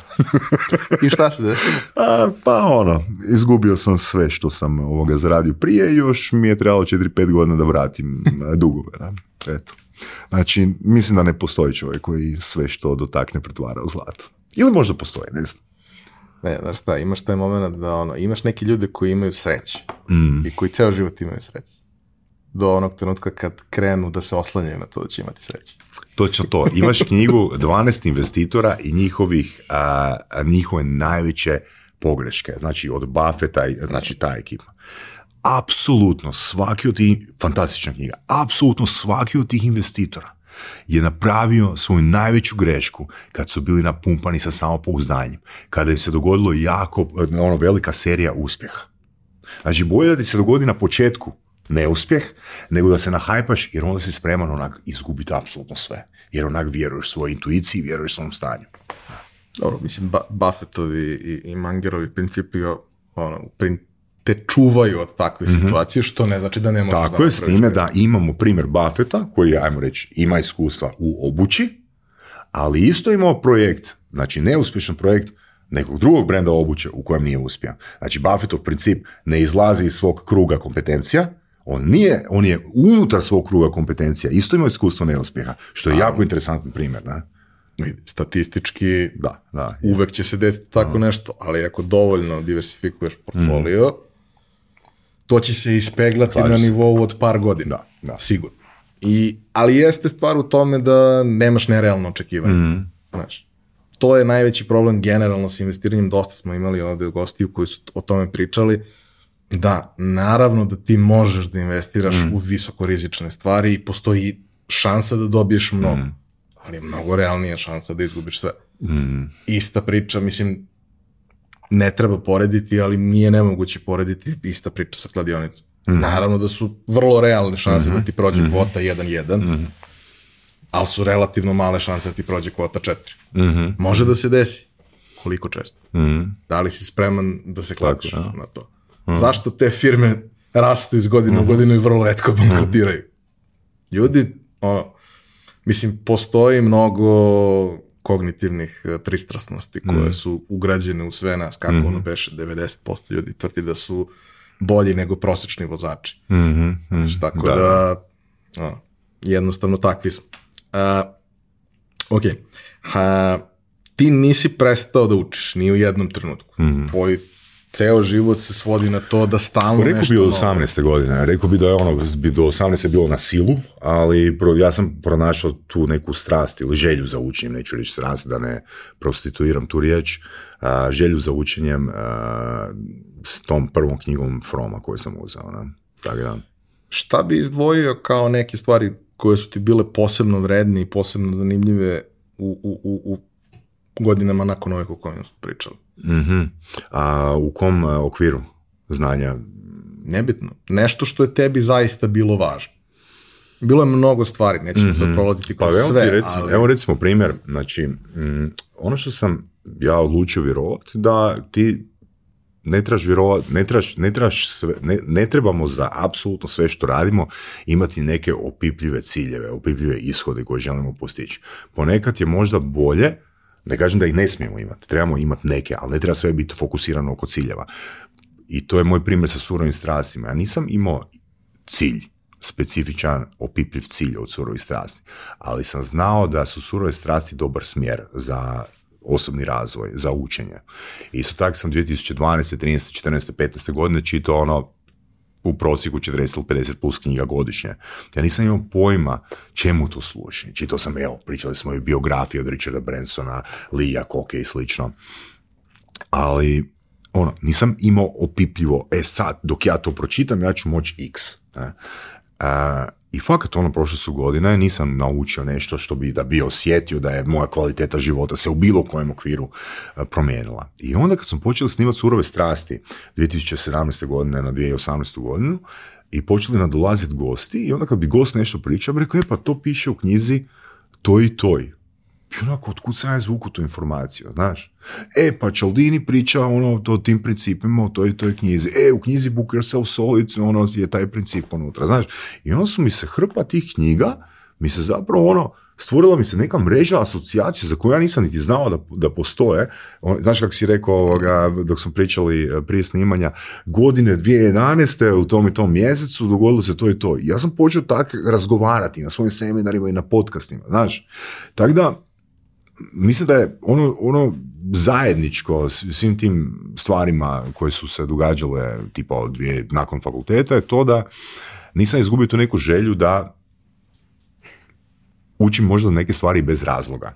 Znači, da neke stvari učim s razlogom, a neke stvari učim bez razloga, jednostavno jer me interesiraju. Možda nemam praktičnu vrednost od njih bez Da, da, da. Ali ono što znam, jer da me razgovor s tobom, razgovor sa gostima suroj strasti, ne vodi na krivi put. Znači, ne znam koja je, je dobra. Možda ja nemam u tom trenutku jasno e, koja je pozitivna vrijednost ono, tog našeg razgovora ili te knjige ili ne znam, tog dokumentarca Roberta Sapolskog, ajmo reći, kojeg smo, kojeg smo već par puta spomenuli, ali znam da je to generalno dobro i da me ne odvlači od nekog mog cilja, znaš. Tako da, ne, teško mi je, znaš zbog čega mi je teško odgovoriti na to pitanje? Zato jer kad sam ti obrađivao knjige ili te lektire surovih strasti, pokrivo sam različite teme. Pokrivao sam teme i od... Eh, osobnog razvoja, tipa knjige poput eh, Atomic Habits, eh, The Compound Effect, eh, ne znam, 80-20 Principle, znači Pareto princip i slično, to bi bila recimo neka kategorija osobnog razvoja, onda sam pokrivao recimo komunikacijske knjige, tipa Verbalni judo, Uta uticajno, Socijalni inženjering, Go Giver, takve knjige, ono, sve, sve sam ih obradio, sve su mi ono fantastične, tako da, ono, kad mene neko pita koju knjigu bi preporučio, meni automatski ono u glavi, jer imam te tablice, znaš, a, po temama i onda postavljam osobi pitanje u kojoj kategoriji bi volio ono da, da ti preporučim knjigu koja je meni dala neki najveći benefit, znaš. Ali ako me pitaš koja knjiga ako me želiš pitati koja knjiga mi je baš pomogla ono razvaliti svoj realitet, to ti je bila knjiga Book Yourself Solid, sad sam se sjetio jer sam spomenuo, autora Michaela Porta i ovoga, 2013. godine sam ono u dva u noći našao tu knjigu, imam strategiju za Amazon, tipa kad imam neki problem, odem na Amazon i ukucam ono, taj recimo problem i onda mi se izlistaju knjige. Ja ti idem onda na reviewove i idem na dvojke. Znači, ja ću idem na, dvoj, na ocjenu dva. Ono, zašto? Zato što sam tamo tada često znao naći preporuku za od reviewera preporuku za neku drugu knjigu koja konkretnije obrađuje određeni problem. E, i tako sam došao do knjige ono Book Yourself Solid i kad sam naišao na tu knjigu, mislim ta knjiga je basic danas, moj moje je danas ta knjiga je basic, ali čitajući tu knjigu, ja sam tad sebi postavljao pitanje kako sam ja uopće preživio 7 godina imajući firmu ne znajući te stvari ne znajući da iza biznisa postoji proces, jer sam prije vjerovao, ok, ako si ti dobar u nečemu, jer znaš, ono, često čujem to na seminarima rečenicu koje ljudi vjeruju, pa gle, ako radiš kvalitetno, ono, poslije će ti doći sam. Neće, ne? mora postojati cilj, mora postojati smjer, mora postojati proces iza toga, ne, da ne bi bilo, da bi bilo što manje iznenađenja. Možda će doći. Možda će doći, možda će. Ali ne možeš da se osloniš na to. Tako je, da. I ne možeš da se osloniš na to da će ljudi znati šta ti radiš ako ti da. ne pričaš o tome. Da, znaš, znaš još jedna stvar interesantna, ono, e, što sam naučio pričajući s poduzetnicima u podcastima. I često onak, evo, daću ti primjer, nekih poduzetnika, dosta, dosta poduzetnika u Hrvatskoj, znači, svaki poduzetnik onak vrlo visoka vrijednost je riječ skala, skalabilnost. Ne? I čak i neki od njih koji su ono pričaju o tome i predaju o tome, nemaju skalabilan biznis. I ono što se naučio kroz 350 epizoda Surovi strasti, eh, ukupno ono znači preko 500 epizoda svega što, što je snimljeno, ipak je onak sreća ono bitnija od toga svega. Znači, možda te iznenađuje, ali ono, fakat mislim da je hrpa tih eh, poduzetnika ubola. Jer malo tko koji je imao veliki uspjeh s, s jednom firmom je taj uspjeh replicirao. To je svakako jako teško, ali znaš kako, ima, imaš taj moment da je sreća, moje mišljenje da je sreća jako važna. Ali, treba provocirati. Mm, ok, s jedne strane to, s druge strane treba izdržati dok ona ne dođe. Mm, Znaš, jer, ok, možda će doći posle tri meseca. Mhm. Ali šta ako će doći posle dve godine i dva meseca, ti posle dve godine I velika većina firmi je zapravo preživjela tako što su imali jednog klijenta koji ih financirao dok oni nisu došli do svo, do, do, do, do svog okvira unutra aha, to ćemo, to ćemo raditi, u tome ćemo biti dobri. Ne? Znači, fakat je jako puno takvih primjera. Jer da je taj jedan klijent se nije pojavio na početku, ne bi oni mogli izdržati ono godinu ili dvije da nađu to gdje mogu onak stvoriti proizvod koji mogu prodati. I imaš i taj moment da mnogi uzmu i naprave proizvod koji će da finansira da oni rade ono što mhm, žele. Tako je, da. A taj proizvod koji prodaju i taj proizvod od koga žive nije ono što oni žele da rade. Je, tako je. Dovoljno je blizu da omogućava da imaš resurse koji ti trebaju da ovo razvijaš, ali ti se kao baviš tim što što ljudi žele da kupe od tebe, hm. tehnologijom, patentom. A na kraju krajeva, koliko se ti umrežen u Srbiji, u regiji generalno, mislim, ko bi radije imao agenciju nego produkt firmu? A pa vidi, mislim, ko bi radije imao outsourcing firmu nego produkt firmu? Pa Verovatno niko. Sa druge strane, pričamo o jednom biznis modelu koji je izuzetno jednostavan, hm kupiš za manje, mm. prodaš za više, nešto što se mm suštinski prodaje mm. samo od sebe, ne, ništa se ne prodaje samo od sebe, -hmm. ali ovo je najbliže tome mhm. što možeš da imaš. A s druge strane, kada praviš product, postoji toliko nivoa, toliko lejera mhm. gde možeš sa malim failom da napraviš potpunu katastrofu. Znači, mi je još, još interesantno sad kad, smo, kad si triggerirao tu temu? Jesi čitao knjigu Rework? A, napisali su oni vlasnici firme um, Basecamp. Mhm. E, Znači, e, oni kažu u toj knjizi da su namjerno sa svojim Basecampom išli sa malim brojem fičera. Okay? Mhm. I da kad im se kenti ono žale na to, i ovo po pa vaša konkurencija ima veći broj ono fičera, imaju bolji proizvod, oni su totalno ok s tim jer oni znaju kakve klijente žele. I pričao sam s nekoliko ono poduzetnika u surovim strastima, pričali smo, Voras i ja, s nekoliko poduzetnika u surovim strastima, koji baš to potvrđuju, da su uspjeh produkta doživjeli kad su smanjili broj fičera. A kad su se fokusirali i na taj način isfiltrirali publiku. jer, ako ti budeš fičera, ti opet imaš agenciju. I ako staviš mogućnost da nešto kastomizuješ prema mm. potrebama klijenta. To potencijalno ali tu znači, si već otišao, otišao si u frame, točno to, otišao si u frame i praktički ono iz ideje produkta prebacuješ se u frame agencije. Tako je. ajde, pominjali smo ih nekoliko puta. Kako je uopšte došlo do toga da nastanu surove strasti, da krenete snimati podcast u trenutku kada podcasti nemaju svoju publiku, nije prepoznat format. Jeste, ok, postoji da, određeni broj ljudi, ali jako mali. Pa ovak, znači, 2012. E, godine ja sam htio napisati knjigu. I počeo bi pisati, prestao bi pisati, počeo bi pisati, prestao bi pisati. I onda sam pročitao nekoliko knjiga na temu kako nastaje knjiga, znaš. I kak se piše zapravo knjiga. I ovoga, jedna od knjiga je bila On Writing Well, koju je preporučio Timothy Ferris, jer je njemu kao, tako, Timothy Ferris for Our Work Week, kao on je komunicirao da mu je ta knjiga najviše pomogla prilikom pisanja knjige četvrosatni, četvrosatni radni tjedan. E, čitao sam ja i, e, to je slušao sam audio knjige od e, Stephena Kinga i slično. E sad, što je meni najviše pomoglo? Nekoliko stvari ono koje sam pročitao u toj knjizi on Writing Well. A, znači, to je primjer koji volim pričati na prezentacijama taj William Zinsaker, autor te knjige, bio pozvan da održi studentima na nekom fakultetu prezentaciju ili tiga panel na temu pisanja, što čini dobrog pisca. I on je se prije prihvatio taj poziv. Ali nije znao da neće biti jedini panelist. Okay? E, drugi panelist je bio neki doktor koji je objavljivo svoje članke u nekom medicinskom časopisu. Imao onak ajmo reći, dobar stil pisanja i publika je voljela njegove članke. I imali su, znači, intervjuera. Intervjuer bi postavio jedno pitanje jednome, pa bi to pitanje odgovorio i drugi. I prvo bi postavio pitanje, znači, tom doktoru. I pitanje je glasilo, recite mi što radite, što radite kada nemate inspiraciju za pisanje? I doktor na to odgovori, izađem van, šećem po prirodi, igram tenis, igram golf, idem na svježi planinski zrak. I panelist ono, postavi pitanje tom Williamu i William kaže, ja ne razumijem vaše pitanje. Ja sam pisac, ja pišem. Dakle, inspiracija je za matere. Profesionalac ne može priužiti inspiraciju. Inspiracija je nepostojeći pojam. Ok? Ali ako ja sam na razini svog identiteta prihvatio da sam ja pisac, ok? E onda ja ne mogu na temelju vanjskih faktora zatomi taj svoj identitet. To je, to je prva stvar. Druga stvar koja mi je pomogla kod pisanja knjige je ta da i mi je taj William pomogao da razumijem da pišeš zbog sebe.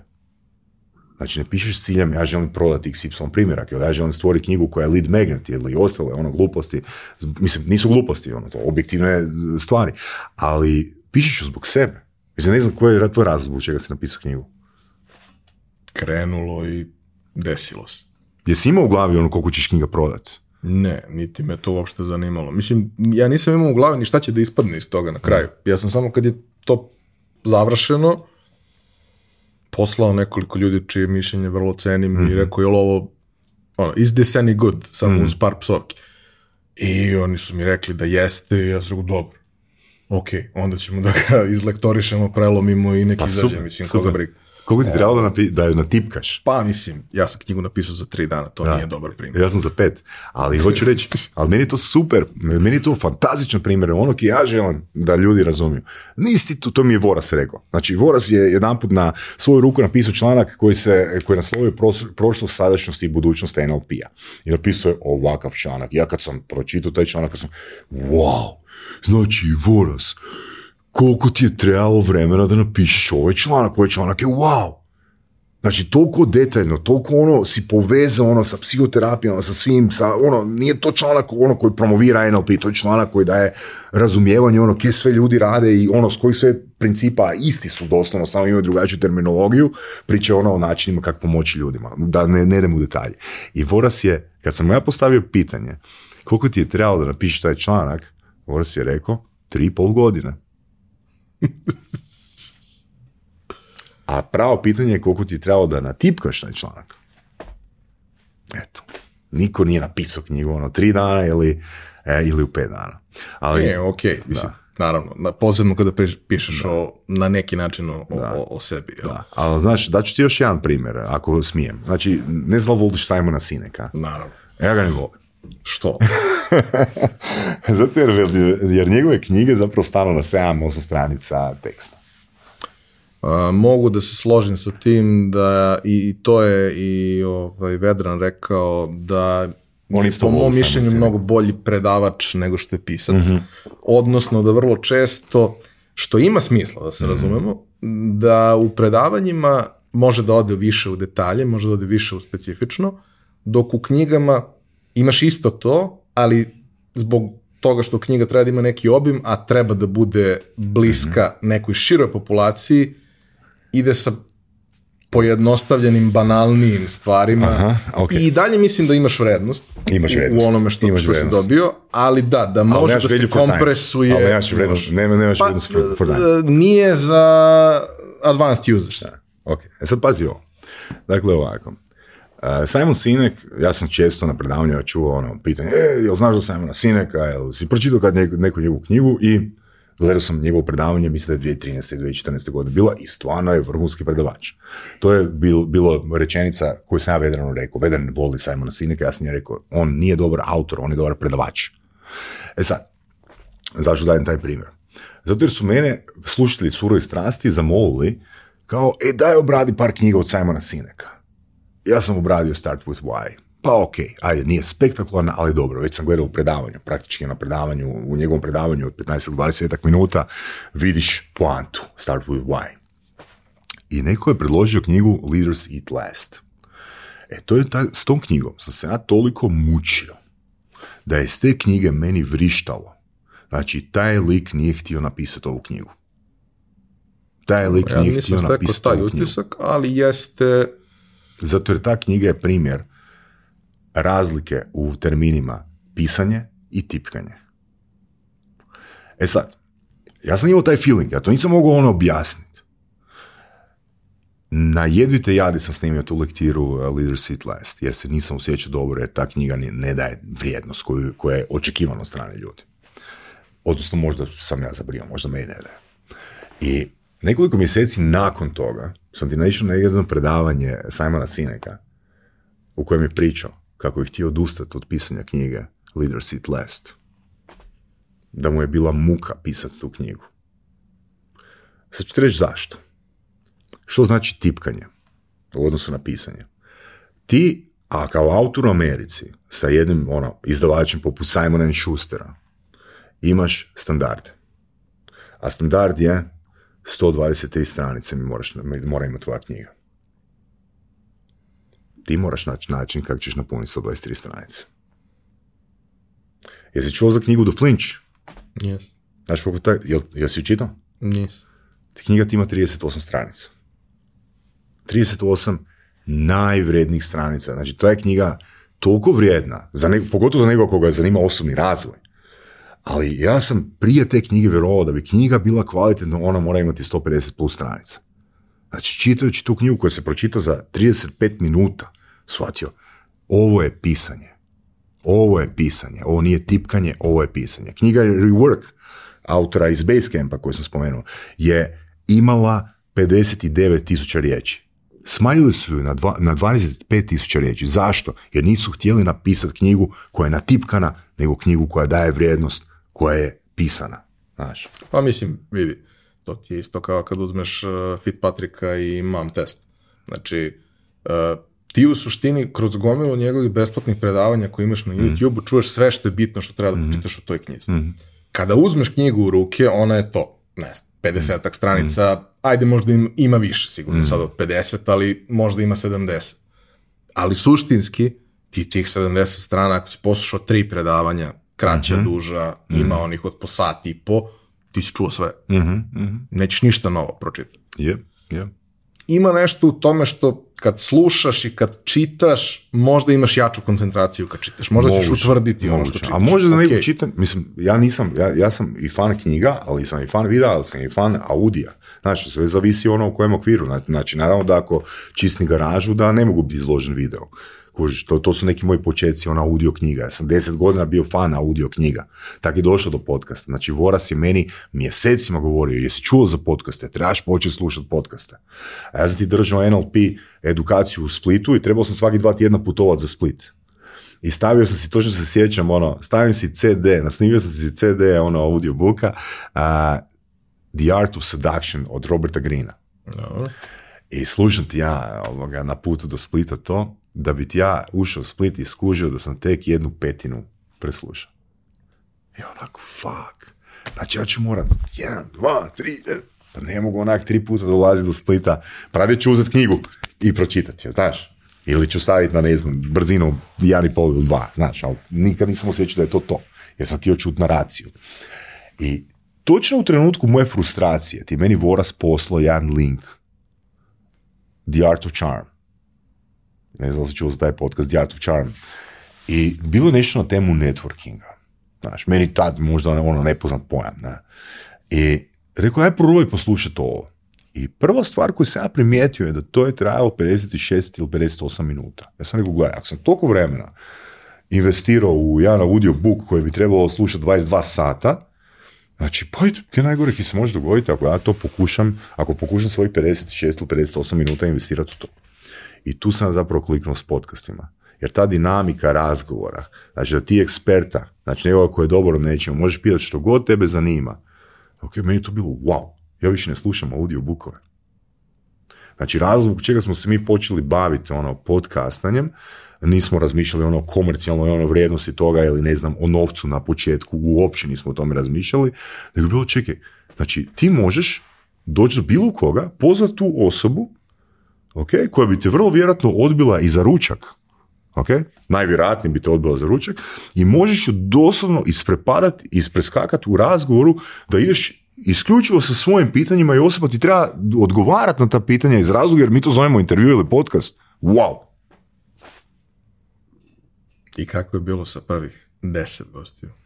Pa onak, e, meni je to bilo mind blowing. Znači, ok, bila je ta nesigurnost, znači, ono, ne znaš ono, ok, imaš tu neko osiguranje u smislu i Voras ja znamo postavljati pitanja i ono, ajmo reći, pročitali smo nemali broj knjiga, znači, ajmo reći, više, više od prosjeka knjiga smo pročitali.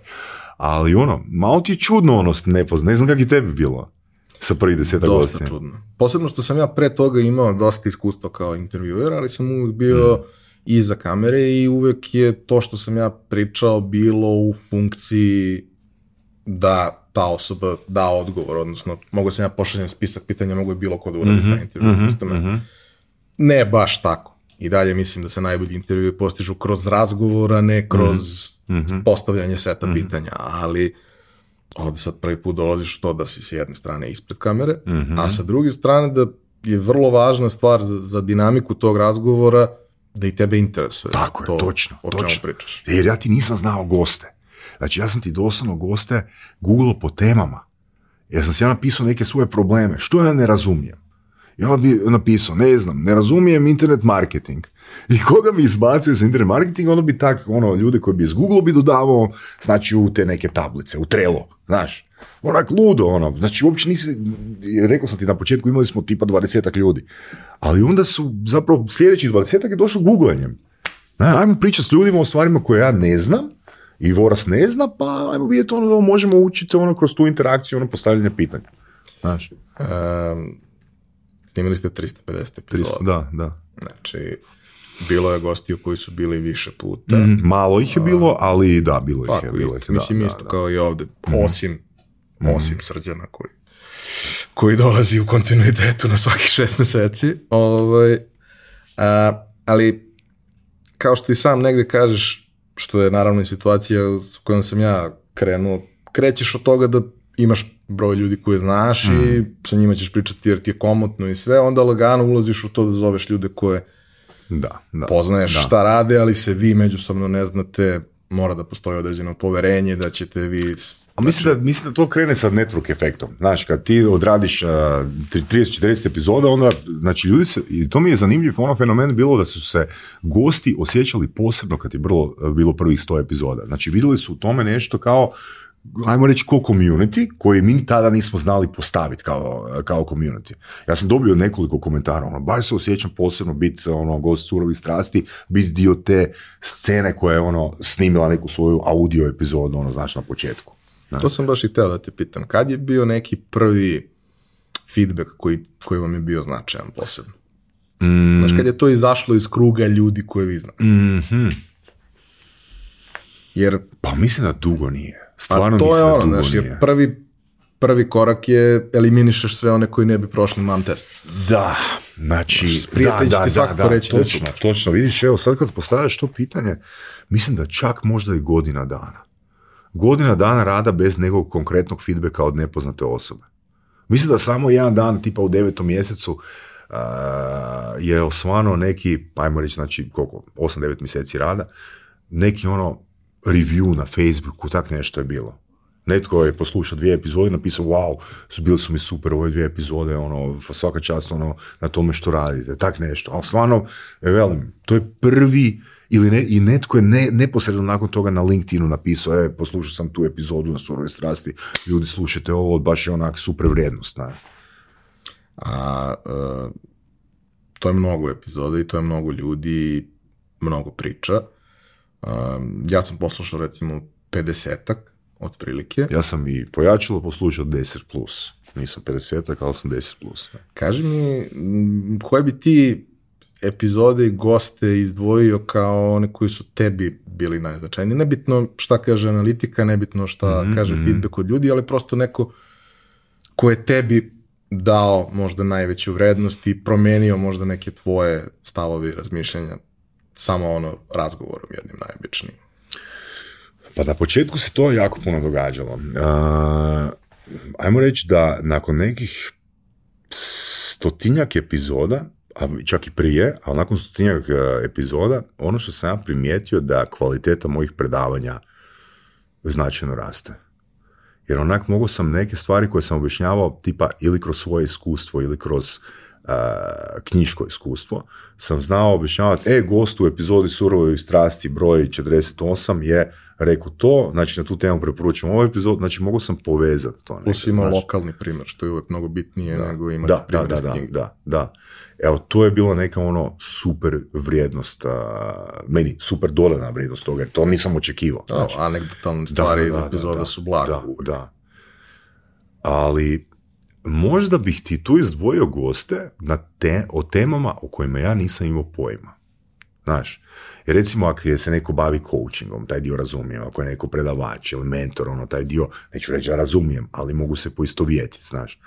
Ali recimo onak, tipa startupi ja mislim da ja nikad ne bi naučio što je to bootstrapping, ono da nema surovih strasti, znaš, mislim ne kažem da je to sad ključno, da je to bitno. Hoćeš reći koliko sam, sjećam se kad je gost bio, a imali smo možda 30 plus gostiju iz nekih start-upera, i sjećam se kad je gost bio Ivan Jelušić, Orka, ne, naočale, i lik je jako dobar prezenter, znači jako dobar objašnjivač.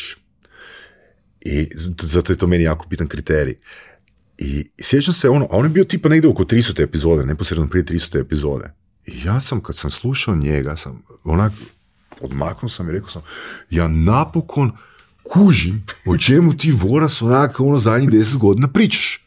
Nakon, nakon tih 30 epizoda, znači dođe taj Ivan i on to tak jednostavnim jezikom ono objasni Onak, ja tek sad kužim da prije niš nisam kužio, ali to je bila ona puzla koja mi nedostajala da je meni onak to kliknula. Znaš. I mislim, e, ili tipa, onak, ne bi imao pojma što je to valuacija. Ne bi imao pojma niti da je valuacija lažna. Daj mi još nekoga, ajde. Sigurno ima još neko ko ti je bio Evo, recimo, e, znači, jako su mi interesantne bile e, epizone na temu osobnih financija ili investiranja. Na primjer, do, ne nije nema ne bi imao pojma što je to S&P 500. Onak, jednostavno u svojim krugovima nisam imao ljudi koji bi me mogli uopće to spomenuti ili navući me da mi objašnjavaju to. Znaš? Tako da, stvarno, je onak jako, jako, jako velika vrijednost ali i lektire isto. I lektire su onak velika vrijednost. Evo tipa, recimo, knjiga od Michaela Gerbera i Myth je nešto što vrlo vjerojatno možda bi došlo do nje, ne kažem da ne bi, ali mi je dala ono razumijevanje ono da opet i tu i u, u biznisu postoje ono određeni profili, zato sam i rekao onaj primjer, ja sam osoba koja ne zna raditi u Excelu, to sam odlučio vjerovati nakon što sam pročitao i mit. Tako, nas je prevedena kao mit. E, tako je, da, da, da. Ovaj, E, otkud ti u prodaji? Pa zapravo nisam ja prodavač. Ono... Malo. Ne, ne, ne, stvarno, ne, ne vidim sebe kao prodavača. Znači, ja se vidim kao osobu koja je entuzijast sa komunikacijom. Znači, a je za mene to sve jednako komunikacija. Znači, ako, ako, gle, ja smatram da postoji samo jedna riječ i to je komunikacija. Sve ostalo su samo kategorije koje su zapravo neko zanimanje. Ja ne vidim razliku između uh, social inženjera, uh, između prodavača i između nekoga ko se bavi zavođenjem. I nema. I nema je. Ok? Uh, svi oni nešto prodaju. Svi oni onak utječu na druge ljude, kalibrirajući, znači gledajući koji su neći neči neverbalni i verbalni obrazi i pokušavajući prilagoditi svoju komunikaciju toj osobi da bi ta osoba lakše rekla odgovor da. Znaš, tako da velim, ja sam i završio social engineering seminar i, ono, to nije ništa ono posebno, mislim, to je još, to, to, je tek u počecima. Znači, ono, framework ne postoji koji je kvalitetan. Ne? prodaja me interesira iz razloga jer ipak u prodaji ti dobivaš najbrži feedback. Jer ako ti izađeš van i pokušavaš pristupiti ono jednoj ženi, ok? Koliko će tebi trebati vremena da zapravo dođeš do tome, u toga da si ti do, bolj, bolji da, u zavođenju. ti vremena trebati za kvalifikovani uzorak. da, da, da. a u prodaji ti moraš odraditi 7-8 sastanaka. I sad ako ti odradiš, ti si na, na, kraju svakog sastanka, naravno ako prodaješ istu stvar, ti si nakon svakog sastanaka, do do, ako ti je glava otvorena, naravno ako nisi ona zatvorena, kak nisi ti kupio od mene, ti na temelju svakog sastanka, svake prezentacije možeš postati ono jedan promil pametniji. Ili čak i više od toga. Ja se sjećam koliko je ta ehm, promjena se meni događala. Kad sam onak, ono što sam ti rekao na početku, ono, mislio sam svima treba taj NLP, ali ljude boli briga što je to NLP. Znači, ljude zanima ono kako će oni riješiti svoje frustracije, kako će oni e, bolje odreagirati u situaciji kad komuniciraju s autoritetom, ne znam, kako će se izvući iz negativnog stanja kad im se rola onak neki loš film ili scena u glavi, ono kako će, znaš, da li se to zove meditacija, autogeni trening, gestalt, e, reiki, ono, potpuno, i, potpuno irelevantno. I on sam zapravo naučio komunicirati s ljudima tako što su mi oni rekli rečenicu, ali to ti mene ne zanima. Jer sam ja pričao iz svog okvira zašto je to dobro za njih. I on sam onak samo na kraju svakog sastanka rekao, ok, ovu rečenicu izbacuješ i umjesto nje dodaješ rečenicu koju ti je osoba rekla da ju interesira. Nakon nekih dvije godine sam shvatio da 9 od 10, ma ne, 95 od 100 problema koje mi ljudi komuniciraju je identično onome što sam napravio ono prvih godinu, dvije dana. Prodaja je ona, ne, znači ti ne prodaješ, oni kupuju. Znači oni kupuju svoj jezik, oni kupuju ono rješenje svoj problema. Prodaja ne postoji jer ako nije, ak nema problema i ako osoba nije spremna kupiti, onak ono prodavač je totalno nebitan. E, ja sam shvatio da je taj moment da kroz ovakve razgovore, kroz a, lične priče i kroz anegdote, ljudi mnogo bolje shvate hmm. bilo šta nego ukoliko postoji nekakva struktura kroz hmm. koju ti pričaš, ok, ti u strukturi možeš da imaš dobar storytelling, nije hmm. sporno. Ali tek kada ljudi prepoznaju sebe u nekoj situaciji, mhm. Tako tada priča počinje za njih da ima smisla. I tada su oni spremni učiti teoriju i proces. Jer čemu će im proces ako nemaju vrijednost? Znači oni se moraju poistovjetiti s nekim problemom. Ok, kad se poistovijete s nekim problemom, tu imamo trigger na vrijednost. E onda će osoba ići googlati ili tražiti ili upisivati edukacije, da, da i osjetiti strast prema učenju tog procesa. Mislim, imamo par primjera ovaj, sa, sa gostima, nije bilo mnogo takvih situacija, ali ja znam neke lično, plus par gosti je to pomenulo, kao koliko je zapravo za eh, razumevanje ljudi koji nisu neurotipični, koliko je zapravo zaslužna američka kinematografija i pre svega serije. Mhm. Jer ti kada u seriji prepoznaš lik koji ima neke obrazce ponašanja koji su slični tebi, mhm. a taj lik ima dijagnozu, mm postoji solidna šansa da ćeš da shvatiš da postoji tu neka asocijacija da ćeš onda da kreneš da istražuješ i da shvatiš mhm. da zapravo koliko je serija dobra, ukoliko je mhm. lik na mhm. pravi način ovaj, prikazan u toj seriji, da vrlo verovatno i ti imaš nešto vezano za to ili da neko u tvom okruženju je tako. I mislim da to možda, ok, s jedne strane to jeste počelo da se pojavljuje mnogo više od 2000 mm na ovam, ali nije počelo se pojavljuje, ja mislim, samo zbog toga što su serije težile tom nekom diverzitetu i sve to, nego prosto je bilo mnogo više serije. Mm I da mhm. bi bio zanimljiv, morao si da radiš mhm. neke stvari mhm. koje su životnije, mm -hmm. koje mnogo više ono, gađaju ljude na emocionalnom nivou, jer kao serije koje su bile simpatične sitkom iz 80-ih, mhm, mhm. ti sada ne možeš da ih gledaš, zato što to što se tu dešava u 100 epizoda danas mora da se desi u pet. Točno, evo ti recimo, baš si me super asocirao, jel, voliš Davida Linča? Da. Kad si zadnji put pogledao film o Davida Linča, ako se sjećaš?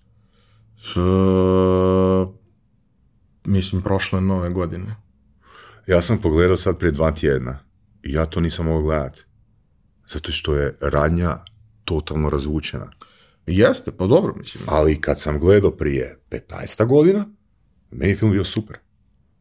Znači, toliko nam se taj, e, toliko smo već našopali s tim društvenim mrežama, da više, ono, ja sam pratio sam svoju emociju, jer ja fakat respektiram Davida Lynch, dobro znam, da, ono, Twin Peaks je razvučen do, do iznemoglosti, ali to je serijal, od, to se od serijala i na neki način i očekuje, ne, da nećeš dobiti ono brzo rješenje. Ali ono, film je bio prerazvučen i osjećao sam nervozu veliku većinu filma.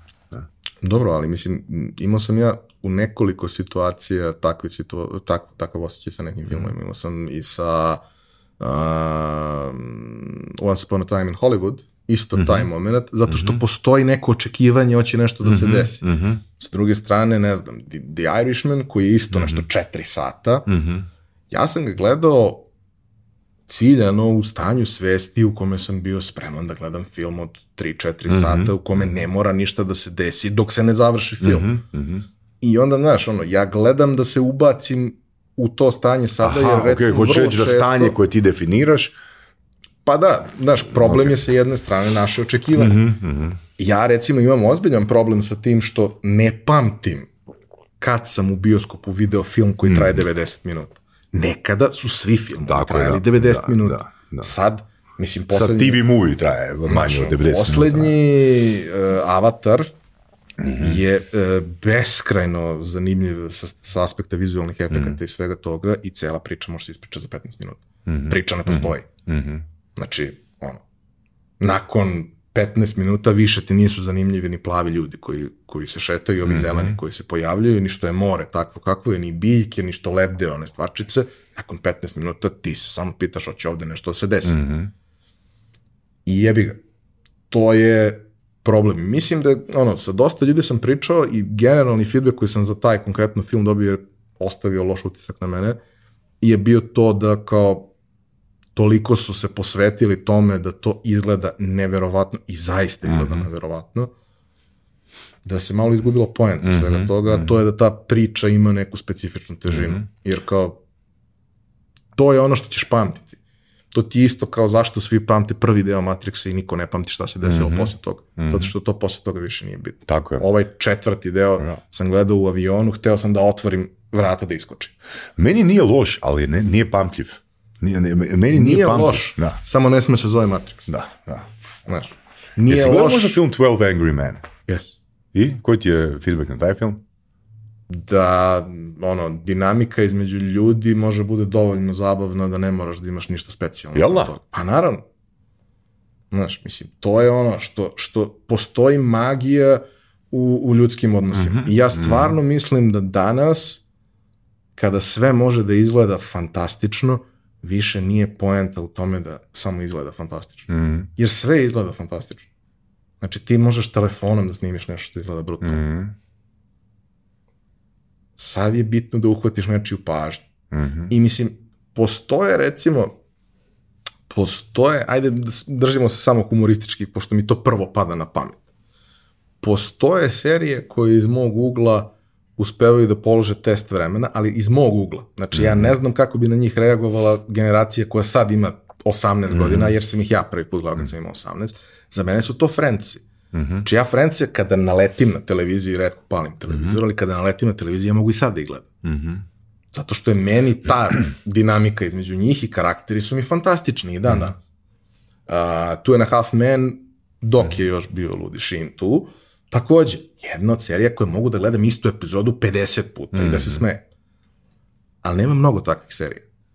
Znaš, koje pitanje se ja tu postavljam? Da li je taj Friends, a pričao sam sa nekolicinom stand-up komičara u surovim stranstvima i često spominju Friends kao primjer svoje inspiracije, što mi je onak baš čudno.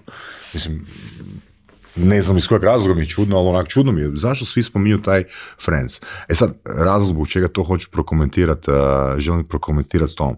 Da li je Friends zapravo i da je toliko dobar ili nas Friends vraća u djetinstvo?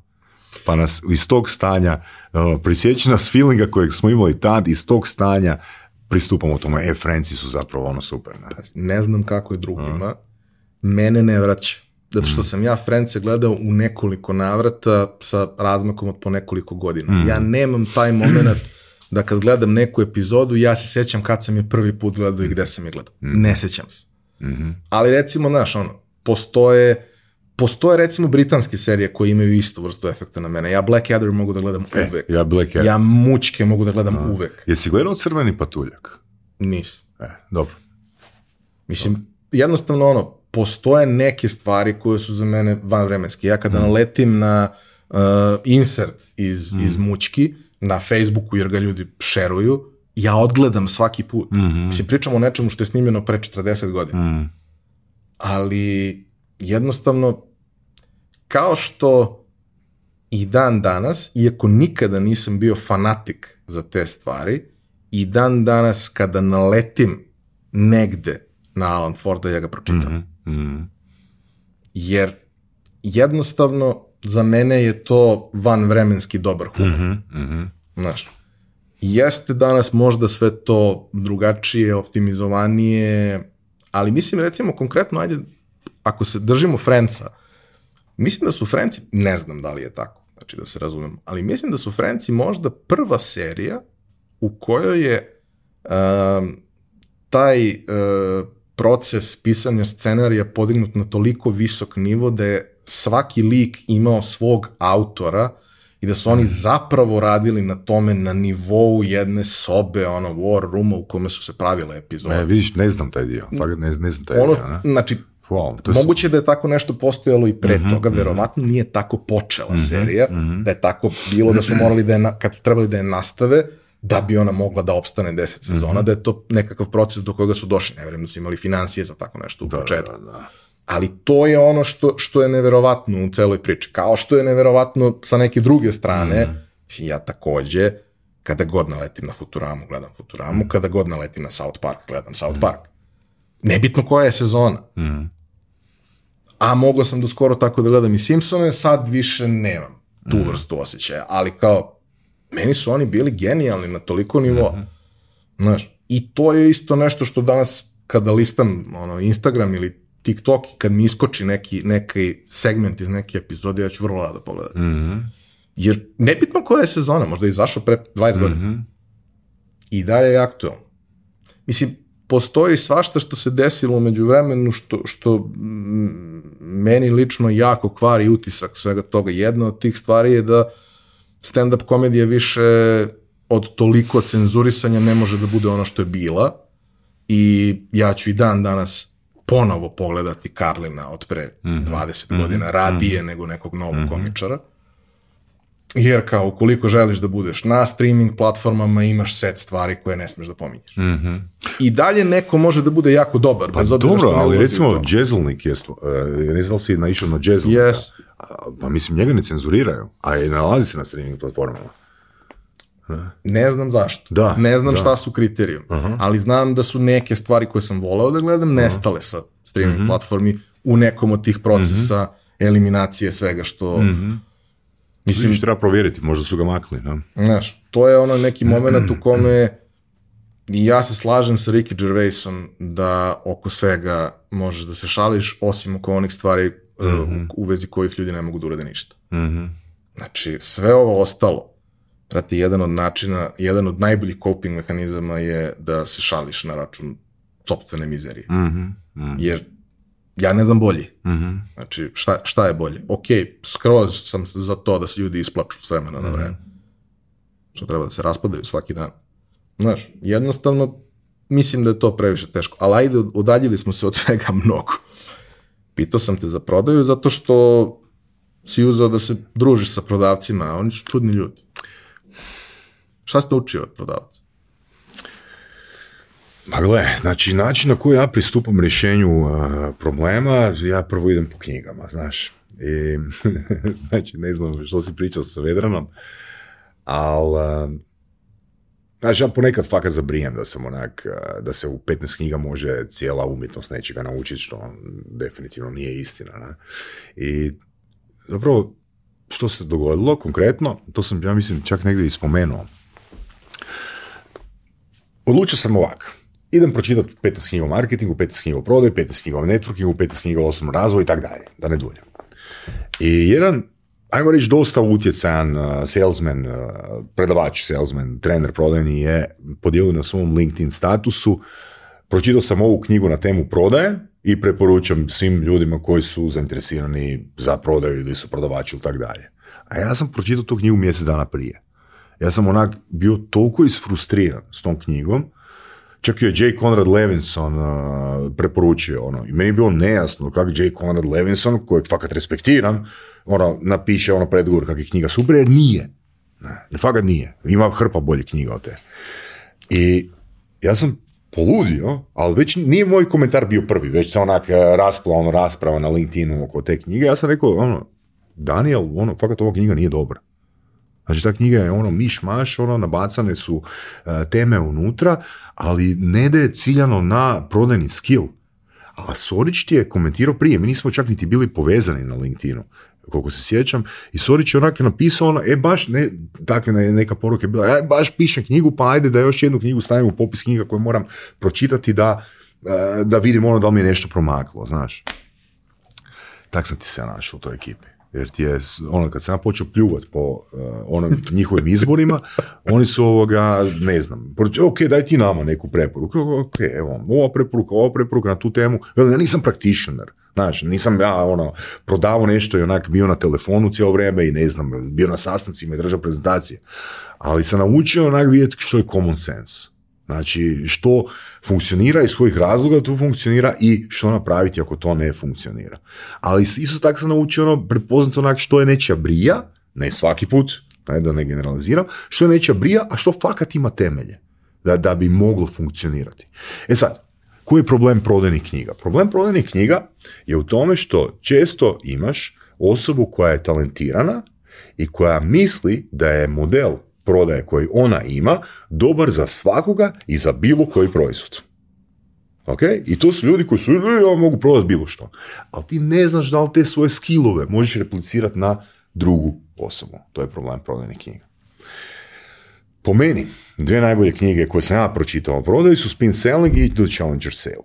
Zašto? Zato jer su napravljene, zato jer su istraživanja koje su radili, su napravljena na uzorku od preko 35.000 tisuća telefonskih poziva i na takvom uzorku ne pričamo ono o skilu jedne osobe, nego pričamo o tome što netko radi dobro, što netko radi loše i da ne postoji ono jedan profil prodavača, odnosno komunikatora mojim jezikom, nego postoji određeni proces koji te dovodi do, do rezultata. I sad, pazi ovo, samo ću ti jednu stvar spomenuti. Znači, mene je impresioniralo u toj knjizi da zapravo najveći potencijal prodavača u 21. stoljeću imaju ljudi koji su debitanti u prodaji, pazio, jer vjerojatno im nije um dovoljno zatrovan, to jest nije, nije im se stigo zatrovati, i to su ljudi koji zapravo nazivaju se challengeri, a zašto se nazivaju challengeri? Iz razloga jer kao prodavači challengeiraju tvoje, tvoje viđenje tvog biznisa. Oni su ljudi koji su tebe došli naučiti o tvom biznisu. Jel kužiš? Znači, i meni to imao smisla, jer gledaj, kak da ja tebi vjerujem da ti razumiješ moj biznis na jednak način ili bolji način nego ja. Ali ako mi s jednom rečenicom, znači isprovociraš moje razmišljanje o mom biznisu, što se događa u glavi osobe, stvara se povjerenje. Jer čim ti dobiješ u glavi rečenicu, e vidiš nisam o tome razmišljao na taj način, što se dogodilo? Dogodila se transakcija vrijednosti. Jel tako?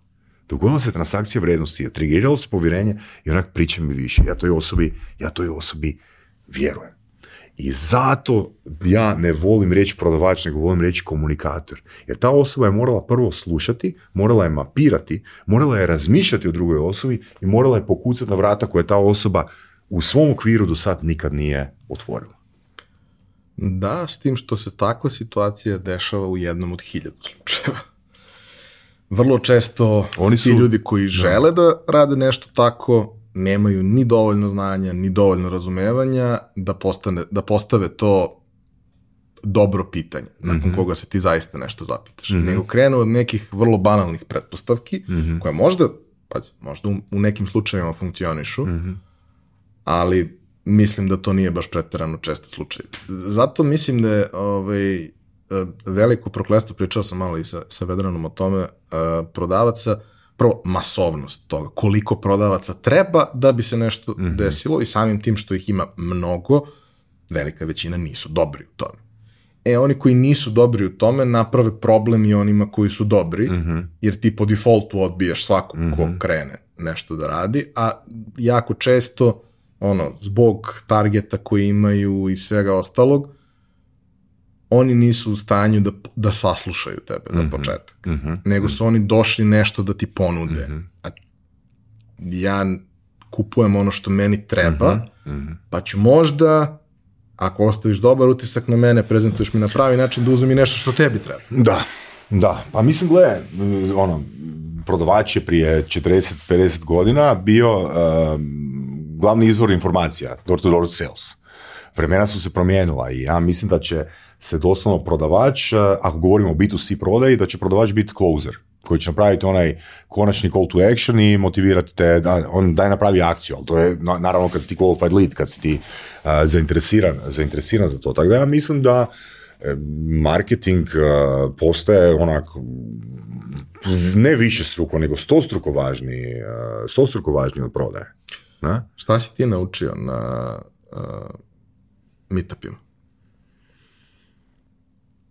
jer tu ste opet imali vrlo specifične teme i ljudi koji pričaju o tom. Znači, konkretno, pa, životno pa, sam naučio? naučio i lokalno sam ono, isto, isto što i na suravnim strastima. Ono. da, ne znam, velika većina e, i prodavača i poduzetnika e, i bilo koga drugoga je onak ponekad jako ljena učiti procese i onak dođe, dođe intuitivno do nekog ono modela koji je uspješan i tek kad naprave, kad prevale ono prvih, eh, ne znam, 10.000 km skuže, aha, možda ipak postoji neki model iza toga. Znači, postavljaš ljudima pitanja ovoga, kako od točke A do točke B i najčešće ti ne znaju odgovor na to pitanje. A ono što sam naučio, ako mogu sve obuhvatiti u, u, eh, u možda jednu rečenicu jedan primjer je da ne znam, imaš dve kategorije ljudi.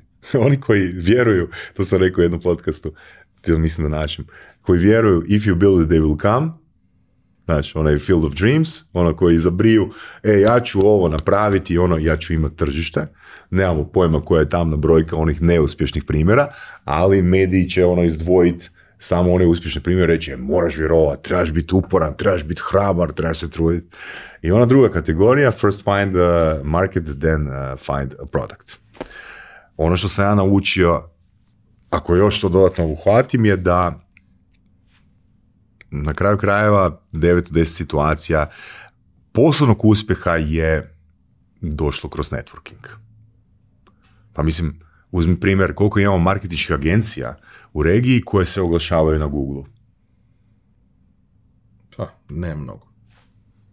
Znači, čak niti ne koriste ono što prodaju drugima. Da? Je dobro, mislim, ja verujem u to da oni koji su dugoročno uspešni i koji su uspešni kroz različite iteracije, mogu da budu takvi samo ako naprave nešto na ludilo, mhm a onda tu uvedu strukturu. Točno, točno. E, to je, to je, evo, ti si rekao ono konkretno, ono što je meni bilo ono u magle. Upravo to. Znači, napraviti ludilo i onda pokušavaju uvesti strukturu i objasnici ovoga procesa. I onda ti kada to pokušavaš da. strukturiraš, kada pokušavaš da napraviš, ti ćeš to usavršavati. Mm, mm. Ti ćeš tu dodavati, mm-hmm. menjati i sve. Ali ti si osnovni recept napravio mm-hmm. onog trenutka kad ti je prvi put kolač ispao kako treba. Da, da, da. da, da Samo ćeš hiljaditi put iskorigovati normativ. Mm-hmm. I dodati možda neke slučajeve, dodati neka ograničenja, napraviti nešto. Ali to, u startu vrlo mali broj ljudi je radeći sve by the book, napravio nešto što da. izlazi iz da, da. okvira. Pa zato se i zove i mit. Znači, jer zapravo govori o strasti, jer govori o tome, znači, poduzetnik nije neko po definiciji ko razumije strukturu, ko razumije proces. Poduzetnik ima energiju, ok? Poduzetnik onak, ono, ima cilj i spreman je onak žrtvovati ono x, y drugih resursa da postigne taj cilj. Ali i onda i ostavlja smeće iza sebe, zato treba menadžera ili razviti osobnost, djelomičnu osobnost menadžera koji će ono, probuditi tu želju za strukturom ili platiti menadžera koji će strukturirati tu hrpu ovoga škarta koja ostane iza poduzetničkih, eh, poduzetničkih aktivnosti. na Ajde sad da te vratim na sam početak. Dolazi Belfort. Mm. Imate hiljadu mesta u mm. sali. Um, Vedran je rekao da prodaja sad ide dobro. Ehm, u trenutku kada ova epizoda bude izašla, verovatno će već više od pola sale biti puno, mm. ovaj, ali um, jedna stvar koja je negde bitna je to što i ljudi koji ne mogu fizički da prisustuju će imati mogućnost da, da prisustuju preko da. streama, da. ali ajde da im damo razloge da razmišljaju o tome da ipak fizički prisutno. Pa ja ću, baš sam razmišljao o tome, ne, ne, ne u smislu prodajnom, nego baš, baš sam razmišljao o tome, ok, što bi ja napravio da nemam novca, a da fakat nemam novca, što bi ja napravio? I ja sam rekao sam sebi ovako, ja bi napravio sljedeće, ja bi platio online i došao bi na partiju to je moj iskreni e, ono savjet, što, evo, što bi ja napravio? Znači, prvo da skužiš ono energiju kroz taj online i dođi na parti koji je onak jako jeftin. I sad, znači, ono što sam ja odlučio napraviti je, ja ću dodati paket taj online plus party, jer on je stvarno povoljan. Jer vidio sam, gle, neki ljudi nemaju ono novca i onak zahtjevno im je ono doći tamo i sve ok, ali možda žele biti dio te energije, možda se žele, ne znam, možda, gle, ja ne mogu garantirati da će se svi ljudi koji se žele poslikati s njim, moći poslikati s njim, ali možda u ovoj priliku, znaš, ono, jer fakat dolazi takvi upiti, ne komuniciram to bez veze. ja stvarno, Ivane, uopće nisam razmišljao o tome da se itko želi poslikati ono e, s njim, znaš. Ali ok, ljudima je to vrijednost i razumije, Ne? A, budite uporni, ono, dođite na taj parti, parti je onak fakat e, jeftin, evo, napravit ću ja kroz tjedan dana da ću e, curama koje to rade nalog da naprave neki paket online plus parti i dođite na parti, znači parti će biti, ja vjerujem da će parti biti ludilo, a na partiji ono za cijenu kotizacije će dobiti svu, e, e, svo piće i, i, hranu ono najvjerojatnije gratis. Koji piće će biti sigurno, za hranu još trebam provjeriti. Ali to će biti ludilo parti. Da. Dobro, šta će biti još što se tiče programa? Što će biti još? Pa ne znam, e, ovoga, mi biramo još, imamo neki popis ono potencijalnih predavača. Znači ono što sam ima još taj jedan kriterij, onaj koji smo pričali na početku. Ja bih volio imati i predavače koji daju neku novu vrijednost. Ne želim predavače koji će ponavljati onu istu priču koju su naučili do sad da im prolazi. Želim da mi se predavači, znači ne, ne želim da mi hrvatski ili ne znam, predavači Srbije budu ono samo dobri, da mi budu lead magneti. Hoću da ponude novu vrijednost hoću fakat da ponude novu vrijednost. Tako da tu sam isto strpljiv i tu ćemo ono sjesti onak fakat ako si spreman malo i brainstorma oko toga ko su ti ljudi koji bi mogli onak dati neku novu vrijednost ili tu onak možda drugačiju perspektivu uh, u prvom redu prodaja možda i marketing ili ne znam nove, novih obrazaca u komunikaciji. Ne? Dobro. Uh, sve informacije ljudi mogu da nađu na sajtu. Mhm. Stavit ćemo sajt u opis uh, epizode. Um, Saša, dugo želim da dođeš ovdje, Nikako da se to organizuje, ali evo sad imamo i konkretan povod, pa je lepo što smo ispričali makar deo ove priče, jer mislim i same surove strasti bi bile dovoljne za nekoliko epizoda kada bismo ih detaljno analizirali. Mm. Moja preporuka svima da poslušaju neke epizode tog podcasta. Kod vas na, na sajtu ima svake godine 10 najslušanijih. Mhm, mhm. Nemojte se držati samo toga. Mm. Znači, idite i za početak poslušajte teme koje vas zanimaju, jer ćete naći razne zanimljive, zaista zanimljive teme, raznovrsne. a onda probajte još nešto drugo što možda vam nije blisko, ali vam zvuči interesantno, jer e, epizode su sa konkretnim gostima, ali postoje, da kažemo, tematski su imaju e, izvučene ključne stvari, mm ovaj, u tim epizodama, tako da možete kroz onako malo detaljniju analizu doći do još mnogo zanimljivih stvari koje ćete, koje ćete tu čuti. Um, lektire, takođe postoje određeni mm. broj epizoda koje su dostupne, koje su meni jako pitak način da se neke knjige obrade, Mm, da li je to sve što treba da znaš Absolut, u toj knjizi? Ne, ali mislim da je jako dobar način da se zainteresuješ za knjigu mhm. ili da shvatiš da knjiga nije za tebe. Točno, upravo to. Što mislim da je nekim slučajima možda čak i vrednije, jer ćeš za 20 ili 30 minuta znati da ne treba da posvetiš sati čitanju. Tako je, znači. je, točno to. Uh, jako, jako sam ti zahvalan, baš sam ti zahvalan ovoga na prilici. E, za pojačalo podcastom jer, velim, e, baš cijeni tvoj rad, a e, znači, znaš kad, ja, ja, ja, imam taj problem, ja idem ona, ponekad možda s tom pretpostavkom, ono, znači, konkurencija smo, ali kad sam osjetio ono tvoju energiju onda 2019, znači prije četiri godine, onak nisam znači, osjetio onak apsolutno niš konkurencko i onak mislim da fakat treba graditi taj community. To sam naučio iz ove ekipe koje se bavi eventima, znači u Hrvatskoj. Znači da treba nastati scena da bi ono došla još, da bi došao još veći nivo kvalitete. Vidi, vi ste primarno bili okrenuti ka Hrvatskoj, mm. imali ste i gosti iz mhm. Srbije. Ja sam primarno okrenut ka Srbiji, ali sam imao i gosti iz Hrvatske. Mislim da jedni od drugih možemo mnogo Absolutno, da naučimo, da. se vrlo redko preklapamo u onome šta mhm. radimo i gosti koji su bili kod vas i kod mene su različite stvari tako pričali. to. Jer sam ja različit od vas dvojice i vaše neke dinamike. Da, ima stvari koje se preklapaju, ok. Ali treba biti da, da minuta, nova publika razumije ono, to je sve, to je ok. Ja i dalje mislim da nema dovoljno ovakvih priča mhm. u regionu koje su zaista okrenute ka nekim vrednostima i nekom dugoročnom radu na nečemu, zato što priče, priče o instant uspehu uh, siguran sam da privlače mnogo mhm. više pažnje, jer naravno da ljudi žele da uspeju mhm.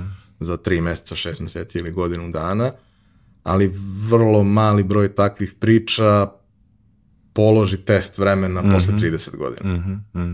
Mi smo ovdje imali ljude koji su to imali više decenijske karijere, koji su pričali o svojim neuspesima, koji su pričali o nekim dobrim stvarima, koji su pričali o nekim stvarima koje ti kada pogledaš sa strane kao neko ko možda ima 19 godina, reći ćeš, ali ja ne želim da sa 50 godina imam firmu od 30 ljudi i pristojan život. Ja želim da imam, ne znam, kuću na Ibici. Hm, tako da. Ok, ima nas raznih. Hm. Ja želim da sa 50 godina mirno spavam. Hm. I da budem ja obezbeđen i moja porodica bude obezbeđena a iskreno ako i ole pažljivo ovaj, se budem odnosio prema tome u životu, neće mi trebati baš toliko puno toga. A mnogo mi je važno da mirno spavam. Hvala ti puno, hvala vama što ste nas slušali, nadam se da vam je bilo interesantno. Više informacija o eventu imate u opisu epizode, a ako vam je Saša bio interesantan, a niste slušali Vedrana, poslušajte jer ćete videti da dva potpuno različita čoveka mogu dobro da sarađuju ako komuniciraju. Hvala vam puno, vidimo se ponovo naredne nedelje.